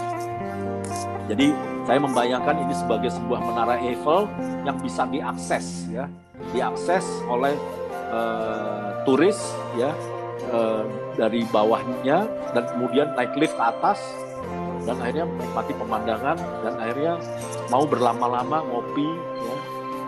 Makan-makan di situ menikmati pemandangan di atas awan nah kurang lebih seperti itu gambaran gambaran kami saat ini jembatannya saya rasa sudah mendekati penyelesaian tapi kurang lebih kalau kita memberikan white ideas ya kurang lebih seperti ini.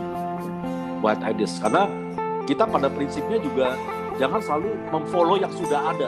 Nah saya ingin sekali bahwa kita ini harus kembali kepada uh, jati diri kita sebagai bangsa penemu, bukan bangsa followers. Jadi kita harus bisa menemukan menemukan hal baru karena Indonesia surganya inspirasi, budaya kita bukan mati, bukan frozen, tapi akan tumbuh berkembang baik ke masa kini maupun ke masa depan. Dan mungkin ini yang terakhir yang saya bisa sharing, kami sedang membangun KSPN di Wakatobi di Wakatobi ini ada waterfront yang sudah ada reklamasinya, tapi dalam kalau membangun KSPN kita harus memakai tiga kacamata, kacamata arsitek, kacamata budaya, dan kacamata konservasi. Di Wakatobi saya senang sekali, saya didukung oleh tim konservasi dan didukung oleh uh, dari Taman Nasional Wakatobi. Jadi kita dari awal merencanakan bersama para ahli dan juga perwakilan masyarakat. Kira-kira apa sih yang mau dikembangkan? Kira-kira apa sih yang mau dibuat? Dan mereka minta ada ikon. Ikonnya adalah kuda laut yang min miniatur, yang sangat kecil. Cuman 2 mili, 3 mili, tapi kita membuat ini menjadi landmark yang besar. Bentuknya waterfront itu kita olah menjadi seperti bentuk kuda laut itu sendiri. Dan tadi ada menara gardu pandangnya, ini museum oceanografi, ya ini uh, Wakatobi terdiri dari empat pulau Wangi-Wangi, Kalidopa, Tomia, dan Binombo. Dan di Wangi-Wangi di tempat pesawat mendarat ini ibu kotanya kita akan membuat satu perubahan infrastruktur yang signifikan di ibu kotanya sendiri dan ke titik-titik lainnya. Ya, titik-titik lainnya tentunya ada titik-titik yang sangat uh, kental nuansa konservasinya. Bahkan kalau perlu kita tidak usah bikin apa-apa kecuali toilet dan sebagainya sampai yang terkait dengan adat budaya seperti di desa adat Lia. Jadi situ pendekatannya pasti berbeda-beda begitu kalau di waterfront Wakatobi mereka justru minta waterfront ini lebih bernuansa uh, flora dan fauna ya kekayaan keanekaragaman hayati yang ada di Wakatobi dan juga ada kampung Bajo di situ Nah, bentuknya kalau dari atas seperti kuda laut begitu. Ya. Dan kampung ini juga harus di harus juga uh, apa uh, uh, kita kita membuat sebagai titik-titik ya. Salah satu titik-titiknya yang membuat destinasi-destinasi uh, adalah adanya masjid masjid terapung. Kami buat seperti ini dengan cenderung bangunannya lebih horizontal. Dan juga ada museum museum uh, suku Bajo di sana yang bangunannya sudah ada tapi dalam kondisi sudah rusak dan terlantar dan kemudian saya robah ditambah dengan satu menara suar untuk menikmati pemandangan dan akses bukan dari daratan tapi dari dari laut dan ini akan membuat destinasi uh, bahari dengan perahu-perahu wisatawan dari yang di, dioperasikan oleh masyarakat-masyarakat setempat. Ya, kira-kira seperti itu presentasi saya. Semoga presentasi saya cukup lancar dan bisa dimengerti dan dipahami cukup jelas dan mungkin ada yang ingin bertanya, silakan. Terima kasih. Baik, terima kasih Pak Yori. Jadi banyak hal yang sudah disampaikan dan banyak pengetahuan yang sudah kita peroleh dari apa yang dipaparkan Pak Yori tadi. Jadi Pak Yori mengawalinya untuk menghargai kelokalitasan kita itu dari eh, contoh-contoh uh, arsitektur-arsitektur uh, Nusantara kita, jadi arsitektur tradisional kita. Jadi ditunjukkan tadi berbagai kampung-kampung yang beliau tangani untuk dikonservasi jadi yang fenomenal salah satunya adalah Wairebo tadi. Nah kemudian diakhiri dengan bagaimana kelokalan itu mampu diangkat ke dalam wujud-wujud yang kekinian. Jadi mengangkat kelokalan di dalam desain arsitektur untuk eh, apa namanya mengharmoniskan uh, dengan perkembangan masa kini. Jadi dari sisi pengetahuan juga beliau mengawalinya dari, dari pemahaman bagaimana kita berbeda antara barat dan timur. Jadi tadi disampaikan bahwa budaya barat dimulai dari tulisan. Kalau kita lisan, kemudian Eh, sistem struktur konstruksi yang barat tertanam, yang kita di atas tanah, kemudian proses membangun top down yang barat, kemudian bottom up yang di kita, dan orientasi ke dalam dan keluar. Jadi kita lebih berorientasi keluar, kemudian menyadari kondisi iklim kita, jadi antara uh, kondisi yang empat musim dan dua musim. Nah, sekaligus kemudian Pak Yori menunjukkan kita untuk mengubah mindset kita melihat arsitektur uh, Nusantara ini. Jadi bagaimana kita membaca dan berarsitektur betul-betul dengan uh, kelokalan kita, tidak dengan apa yang kita pelajari, jadi umumnya di sekolah arsitektur yang berorientasi kepada cara-cara berarsitektur dari negeri barat. Nah, sekaligus kemudian beliau menunjukkan bahwa dalam penjelajahan beliau tentang arsitektur Nusantara ini, jadi beliau menyebut bahwa banyak pengetahuan yang bisa kita dapat dari penjelajahan itu. Jadi penghargaan atas lokalitas itu akan memperkaya wawasan kita, kemudian menambah pengetahuan kita. Jadi mulai dari pengetahuan lingkungan, sejarah, budaya, sampai pada pengetahuan fotografi dan jurnalis. Ketika kita ingin mengekspos uh, karya arsitektur tradisional kita.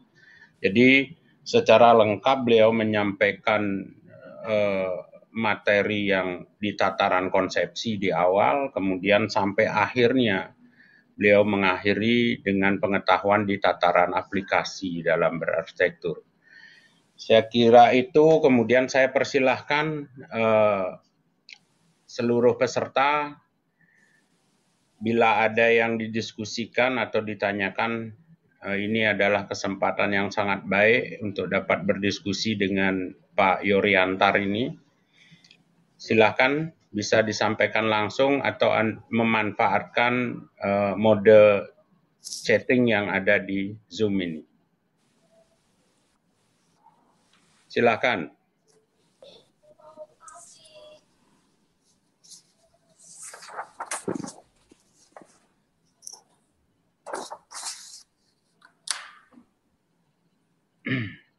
Silakan, Dek. atau seluruh peserta? Mungkin saya mengawali Pak Nuri ya bertanya. Ya, Uh, diskusi mungkin. Ya, uh, sorry ini lingkungan perumahan saya agak ramai, jadi mungkin ada suara motor yang lewat. Uh, Pak Yori, uh, saya sempat ngobrol dengan satu tetua desa di Tenganan. Desa mereka dulu pernah terbakar hebat, habis hampir semua uh, desanya habis. Lalu itu salah satu desa di Tenganan, desa tradisional yang dibangun berdasarkan tradisi lisan. Jadi para tetuanya menceritakan kembali apa yang mereka ingat dari uh, petunjuk yang mereka dapat dan sekarang yang kita saksikan sekarang itu sebetulnya adalah hasil uh, rekonstruksi. Nah, itu desa Tenganan kan boleh dibilang salah satu desa yang uh, apa ya uh, adatnya sangat kuat. Nah sementara sekarang di Bali banyak sekali desa yang sudah ada di posisi transisi antara masih mempertahankan tradisi dan mau beranjak ke uh, apa ke kehidupan yang lebih modern. Nah, selama pengalaman Pak Yori, di mana kira-kira benturan-benturan yang terjadi di masa transisi ini saat masyarakat sedang beralih? Karena di masyarakat ada yang alih generasi, ada yang juga sedang mengalami alih pengetahuan. Mungkin Pak Yori punya pengalaman soal benturan-benturan yang terjadi selama mengerjakan proyek yang uh, cukup banyak tadi itu. Ya. Terima kasih Pak. Jadi uh, saya juga selama ini memang meyakini kalau kita mau memang, mem melestarikan desa itu uh, apa uh, uang swasta ya pihak swasta yang lebih fleksibel dari pihak daripada uang pemerintah begitu. Karena pemerintah terkait dengan aturan. Mulai dari aturan pengaturan dana dan sebagainya. Tapi saya lihat perkembangan terakhir ini menarik sekali semenjak kami uh, mendapat perhatian dari pemerintah kami diminta mem, uh, membidani lahirnya program rumah budaya di Kementerian Pendidikan dan Kebudayaan. Ya. Dan awalnya dananya itu diserahkan ke saya. Pak Yori ini ada dana 11 eh, 8 miliar untuk 12 desa adat. Pak Yori jadi kontraktornya. Wah, saya bilang saya nggak mau, saya bukan kontraktor. Membangun rumah adat yang bangun harus masyarakat sendiri. Hangus tuh dana. Waktu itu Ibu Windu ya sebagai wamen. Terus kemudian tahun berikutnya, ini ada dana lebih gede lagi nih sekarang 12 miliar saya udah capek-capek loh mintanya lewat proses DPR. Wah saya nggak mau juga kalau kita rubah dulu metodenya. Saya nggak mau jadi kontraktor aja. Ya, gimana masyarakat yang ngebangun dan akhirnya bisa loh ternyata kita nggak usah uh, merasa aturan itu sakral. Aturan itu bisa dikembangkan ya dan ternyata bisa dibikin metode bansos dengan dua kali bantuan. Tapi uangnya yang diterima langsung ke masyarakat dan ada penemuan baru bagi saya. Bansos itu sebelum dikasih uangnya, masyarakat adat harus bikin kelembagaan dulu. Supaya tidak lagi atas nama pribadi. Kalau misalnya bansos itu rekeningnya atas pribadi, bisa bubar itu desa. Antara masyarakat dan tetua adatnya saling curiga. ya. Jadi metode itu ternyata bisa dikembangkan. Dan PU saya kasih tahu yang program di Solok Selatan itu nyaris di delete sama Pak Basuki. Dia bilang, wah ini gaduh nih. ya Gimana nggak gaduh? Program PU yang dipakai untuk melestarikan rumah-rumah adat itu pakai program anggaran belanja modal. Ya, anggaran belanja modal itu kalau sudah dibangun kembali rumah gadangnya, sudah direstorasi kembali, aset itu menjadi milik negara karena kan pakai paket belanja modal. Ya kan? Nah, ternyata yang di, yang mau mendapat bantuan uh, belanja modal akhirnya tahu, waduh, ini jangan-jangan rumah gue di take over nanti. Padahal ini rumah adat loh. Rumah adat itu pusako tinggi, nggak nggak di Bali pasti di nggak di Minang di Bali pasti begitu. Jadi yang namanya rumah gadang tidak bisa diperjualbelikan. Itu harus diwariskan. Yang bisa adalah digadaikan gitu loh. Menurut aturan adat nih. Ini aturan adat Minang ya. Tapi kemudian ternyata di PU itu ada lagi belanja belanja barang. Nah, pakai paket belanja barang itu berarti belanja putus. Jadi uang itu nanti diserahkan ke eh, paket itu setelah dibangunkan eh, rumah gadang itu tidak menjadi milik pemerintah daerah tapi menjadi tetap milik masyarakat. Nah, kalau kita nggak mau masuk ke uh, dunia aturan-aturan yang rigid, nggak akan berkembang itu aturan begitu loh. Nah, jadi saya merasa, oh ternyata selama ini mindset saya berpikir, wah kalau ini pemerintah yang bangun, pasti kacau balau deh. Kalau rumahnya jadi beton semua, ya kan? Atau nanti jadi sistemnya jadi seperti itu. Tapi ternyata pemerintah kita tuh terbuka. Makanya saya bilang harus banyak arsitek masuk bantuin negara supaya bisa benar-benar terjadi perubahan. Nah, kalau saya dalam melestarikan rumah adat ya, kayak rumah adat Werbo, itu buat saya levelnya sama kayak desa Tenganan. Kenapa? Masyarakatnya nggak mau berubah setitik pun apa pun yang ada. Dan saya masa beruntung, loh ini ketemu masyarakat yang ingin melestarikan rumah seasli-aslinya. Mulai dari ritualnya. Jadi pada saat pengambilan material kayu, ya material kayu, itu pohon itu diajak bicara dulu. Diupacarain dulu, diajak bicara pohonnya. Boleh nggak pohonnya ditebang? Terus kalau pohonnya jawab nggak boleh ditebang, ya artinya masyarakat harus cari pohon yang lain gitu loh. Nah, saya bilang loh, ini mau nebang mau mau mau mau mau bangun kok repot banget pohon kok diajak bicara. Kita orang modern nebang pohon 100 hektar per minggu juga nggak ada masalah. Ini satu pohon aja repot banget. Nah, ternyata di situlah bedanya. Kita orang modern udah jadi orang rakus gitu ya. Dan uh, pada saat itu pada saat mengambil material, terus kemudian pada saat permohonan IMB izin mendirikan bangunan, itu IMB-nya bukan mintanya ke kecamatan, itu IMB-nya mintanya ke leluhur gitu. Apakah ini hari baik membangun rumah? Apakah ini hari baik lokasinya di sini? Nah, setelah leluhur menjawab baru dibangun gitu. Nah, setelah rumahnya jadi, baru seorang pastor rohaniwan Katolik memberikan bless terhadap rumah-rumah adat itu. Jadi agama tidak dibenturkan dengan budaya begitu. Ya, agama modern tidak dibenturkan dengan budaya dan pada saat membangun ya dibangun seasli-aslinya. Ya, jadi rumah Werbo dibangun seasli-aslinya. Tapi Begitu mereka membangun fasilitas seperti taman bacaan, seperti rumah souvenir, seperti klinik, mereka jadi modern. Mereka pakai semen, mereka pakai paku, tapi bentuknya tetap werebo. Tapi kalau membangun rumah adat, itu mereka akan pakai budaya adat seasli-aslinya. Gitu.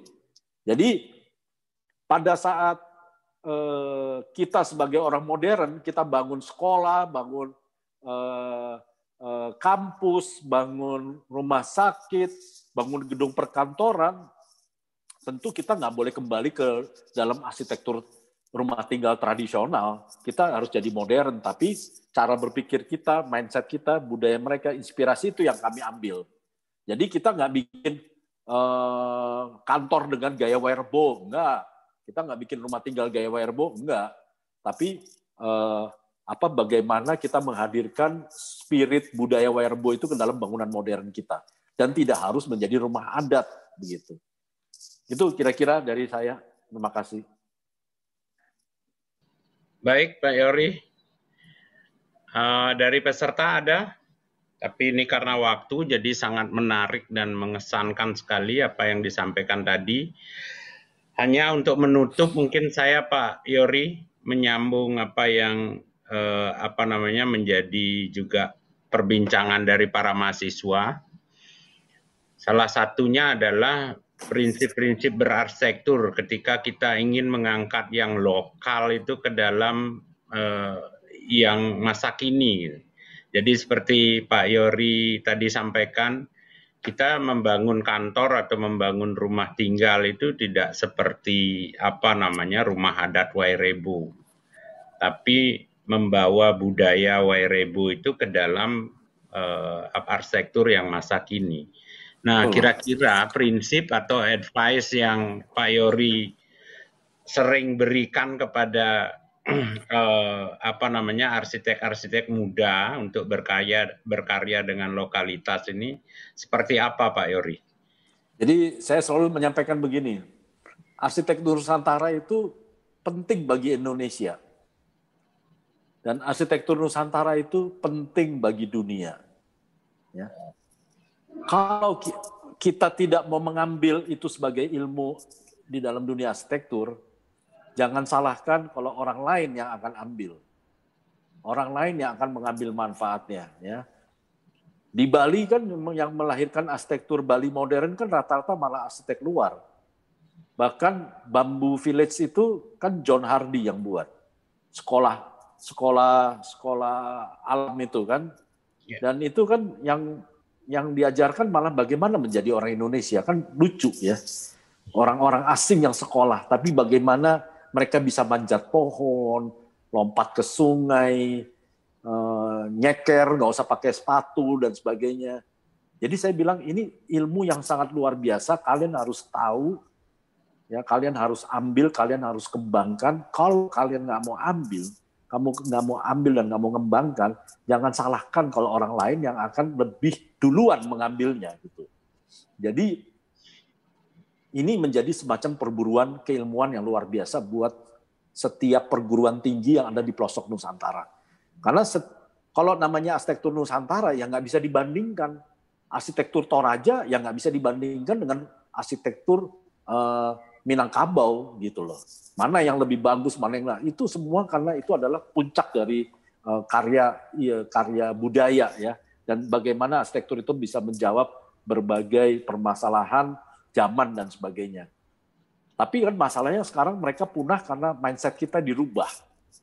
Kita sehingga kita tanpa kita sadari begitu kita lulus kita udah menjadi agen kapitalis industri secara tidak sadar Contohnya, saya bikin rumah, udah pasti kosennya saya pilih dari Jerman aluminium. Ya. Bahkan kalau perlu gentengnya import juga. Marmernya dari Italia. Ya. Terus kadang-kadang saya ditawari sama supplier kayu, kayu yang diolah di Malaysia, ujungnya kayunya dari Indonesia juga, gitu. Ya, karena kita udah dirubah. Saya begitu jadi arsitek bikin rumah, itu banyak supplier yang nawarin, Pak ini ada keran made in France, buatan Prancis. Ini ada keran dibuat dari krom, bentuknya bagus. Berapa harganya? 50 juta. Baru keran air panas. Air dinginnya 50 juta lagi. Itu baru keran aja udah 100 juta. Belum ya, Ya kan? Belum ininya, wadahnya, bowlnya. Itu uang kita udah lari ke luar negeri semua itu uangnya gitu kan. Jadi begitu. Tapi saya senang kalau saya ke Bali itu saya belanja ke lokalan malahan. Furniture luar dibikin dibalikan, ya kan. Sofa-sofa lampu luar import dijadiin dibalikan, harga terjangkau, ini semua terjangkau. Saya kalau kalau klien saya, ibaratnya saya punya klien yang sangat kaya, dia beli satu sofa made in luar negeri itu udah bisa satu miliar loh. Percaya deh, sofa itu satu miliar loh nggak ngerti saya ada apanya isinya. Katanya kalau duduk bisa empuk bisa tendang dan sebagainya. Ternyata dengan satu m saya bisa belanja satu rumah di Bali. Ya luar biasa kan? Gitu loh. Jadi eh, kalau saya belanja barang luar berarti mindset saya udah saya udah jadi followers gitu. Gitu loh. Jadi ini untuk memperkuat ketahanan ekonomi kita sendiri gitu. Dengan membangun destinasi KSPN itu kalau udah jadi itu semua orang pasti akan liburan ke dalam negeri sendiri. Karena semua tempat-tempat akomodasi udah disiapkan secara integrated begitu. Dan uang akan dihabiskan di negara sendiri. Itu secara ekonomi memberikan ketahanan ekonomi. Belum bonusnya orang asing masuk ke Indonesia. Ya nggak usah dia papain orang asing aja bisa bisa tinggal di Indonesia demikian lama ya, ya orang asing yang ke Labuan Bajo dikasih pemandangan uh, underwater sama dikasih kapal pinisi, berapa lama waktu yang dihabiskan? Dua sampai tiga minggu.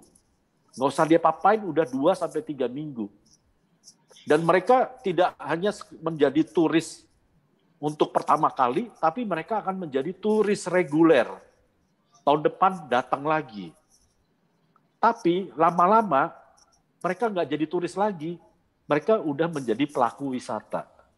Ya, mereka beli tanah, dia bayar DP, DP-nya belum lunas, baru 50 juta, tapi dia udah bikin master plan, master plan-nya dijual lagi ke teman-temannya di luar negeri, pulang-pulang dia dapat duit begitu banyak kaya raya, dia bisa bikin hotel, bisa bikin restoran, bisa punya kapal pinisi, ya. Yang kapal pinisinya nanti uh, uh, restorannya, kokinya aja orang bule juga. Kapal pinisinya, pelatih divingnya bule juga. Bayangkan tuh. Padahal kita di kita orang Indonesia malah bikin hotel banyak-banyak nggak ada konsepnya. Sekarang malah adu murah lagi, ya kan? Udah adu murah nggak ada yang beli lagi. Kalau mereka malah adu mahal nggak ada publikasinya, malah kita mau booking aja nggak dapet tempat. Fully book sampai tahun depan. Selalu begitu. Jadi mindset itu yang harus kita robah. Kita harus kita nggak boleh berpikir menjadi followers. Udah pasti followers itu mental orang terbel, orang yang pasti ketinggalan. Pasti ketinggalan karena followers. Tapi kalau kita jadi penemu, ya kita kan akan menarikan tarian kita sendiri, kita akan menyanyikan lagu kita sendiri, orang lain yang akan jadi followers, begitu. Malaysia itu adalah negara yang selalu mengaku the truly Asia. Begitu saya datang ke Malaysia, saya presentasiin, baru mereka menyadari bahwa gotong royong mereka udah lama punah. Mereka tidak lagi mengurusi heritage heritage rumah adatnya. Yang mereka lestarikan adalah rumah-rumah peninggalan kolonial Inggris. Dan akhirnya Aztec-Aztec Malaysia tuh baru menyadari, wah selama ini kami mindset kami berbeda. Ternyata kami korban kolonial Inggris. Mereka lupa melestarikan uh, budaya mereka sendiri. Jadi Indonesia punya semuanya. Kita punya semuanya, punya gotong royongnya, punya budayanya. Dan untung belum semuanya punah gitu. Ya. Jadi itu yang harus yang harus kita lawan gitu. Iklim-iklim perubahan yang membuat bangsa Indonesia jadi bangsa followers itu yang harus kita lawan. Lawannya yang dengan mindset lagi gitu. Kalau saya lebih pikir begitu ya. saat ini di Minangkabau setelah bangunan itu jadi, desa itu jadi, nggak sedikit loh bupati yang mengontak saya, tolong kami juga punya desa adat juga, tolong bantu diselamatkan. Ada kesadaran baru bahwa rumah Minangkabau yang selama ini mereka lupakan dan mereka tinggalkan, ya kemudian ternyata bisa dibawa ke masa kini dan bisa ke masa depan, gitu. Dan mereka mulai menghargai yang disebut rumah adat mereka sendiri, karena mereka udah jadi masyarakat yang sangat modern, udah lagi tidak berkiblat pada orientasi budaya mereka. Jadi dan saya merasa masih optimis karena ilmu-ilmu kita kan tradisi lisan ya masih terekam dengan sangat baik di kepala para tetua-tetua adat. Tapi kalau tetua adatnya itu udah pergi, nggak sempat tertransformasi ke generasi penerus, itu adalah lonceng kematian budaya kita sendiri. Nah, di Minangkabau, pada saat saya melestarikan rumah gadang, saya baru menyadari rahasia rumah gadang itu ada di para dato para dato itu akan berkumpul pada saat membangun rumah adat gadang, berkumpul dan mereka melakukan pantun, mereka melakukan petatah petitih. Ternyata rahasia arsitektur rumah gadang ada di pantun. Dan itu harus diomongin secara TikTok, TikTok, TikTok, TikTok, luar rahasianya. Itu kan luar biasa. Banyak rahasia rumah adat kita juga terekam dari lagu, dari puisi gitu. Dan itu bisa ditarik kembali. Dan itu kekayaan kita yang selama ini kita pelajari dan malah kita lupakan gitu. Kita anggapnya peninggalan zaman kuno. Ah udah jadul itu, udah kuno itu. Selalu begitu gitu. Ya, justru sekarang tugas kita yang kuno-kuno itu kita bawa ke masa depan untuk menjawab pertanyaan-pertanyaan kita di era sekarang gitu kita kan sangat gelisah nih ke mana nih? Budaya kita mau lari ke mana nih? Mau ngikutin mana? Mau ngikutin Eropa? Mau ngikutin Arab? Atau mau ngikutin Cina? Kita mau ke mana nih? Kayak nggak punya arah begitu ya. Terus ternyata kita jadi ajang komoditas negara-negara asing gitu loh ya kan? Kalau kita jadi bangsa followers ya kita cuma jadi uh, dianggapnya sebagai ya lahan komoditi untuk mempromosikan produk-produknya, produk jualannya, di brainwash, dirubah dan sebagainya. Gitu. Jadi kalau saya udah waspada dulu, eh ada apa nih? Nah, ini ternyata di balik batunya begini nih, gitu. gitu kira-kira. Ya, baik Pak terima kasih. Jadi ini karena waktu uh, saya coba uh, apa namanya uh, menyitir apa yang tadi disampaikan uh, Pak Yori. Jadi satu hal atau dua hal lah yang harus kita ingat ketika ingin uh, apa ketika kita memberikan penghargaan terhadap lokalitas. Satu, yang pertama itu rubah mindsetnya. Jadi jangan jadi followers, tapi jadilah penemu. Jadi ini semacam komitmen kita untuk betul-betul mengangkat lokalitas kita di dalam berarsitektur. Yang kedua, adalah yang bisa saya sarikan dari apa yang tadi disampaikan, tangkap spiritnya. Jadi spirit arsitektur kita, arsitektur Nusantara itu tangkap spiritnya. Baru kita nanti bisa betul-betul mengangkatnya ke dalam uh, arsitektur yang masa kini. Saya kira dua hal itu yang menjadi apa namanya hal penting yang bisa saya sarikan dari apa yang disampaikan Pak Yori. Jadi sekali lagi karena waktu ingin rasanya kami mendiskusikan ini mudah-mudahan di kesempatan lain Pak Yori kita bisa bertemu lagi. Mohon nanti dibantu di sharing pengetahuannya, hasil jalan-jalannya ke mana-mana di Nusantara dan termasuk ke Tibet itu. Jadi eh, kami sangat ingin mendapat banyak uh, apa namanya pengkayaan wawasan dari eh, tokoh-tokoh uh, seperti Pak Yori ini. Tapi karena waktu, jadi ini sudah berakhir, harus diakhiri. Sekali lagi saya ucapkan terima kasih. Jadi penghargaan yang setinggi-tingginya kepada Pak Yori telah berbagi kepada kami. Sekali lagi di lain kesempatan kami nanti mohon dibantu diluangkan waktunya untuk mahasiswa-mahasiswa kami agar diberi bekal kemudian mereka setelah mereka berprofesi nanti sebagai arsitek. Jadi demikian Pak Yori, sekali lagi saya ucapkan terima kasih banyak. Kita akhiri acara ini, saya ucapkan selamat sore, selamat istirahat Pak Yori, terima kasih banyak.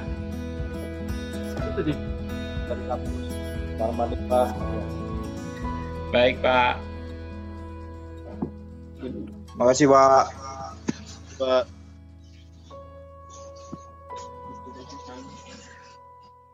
Oke, ya. Terima kasih Pak Nuri.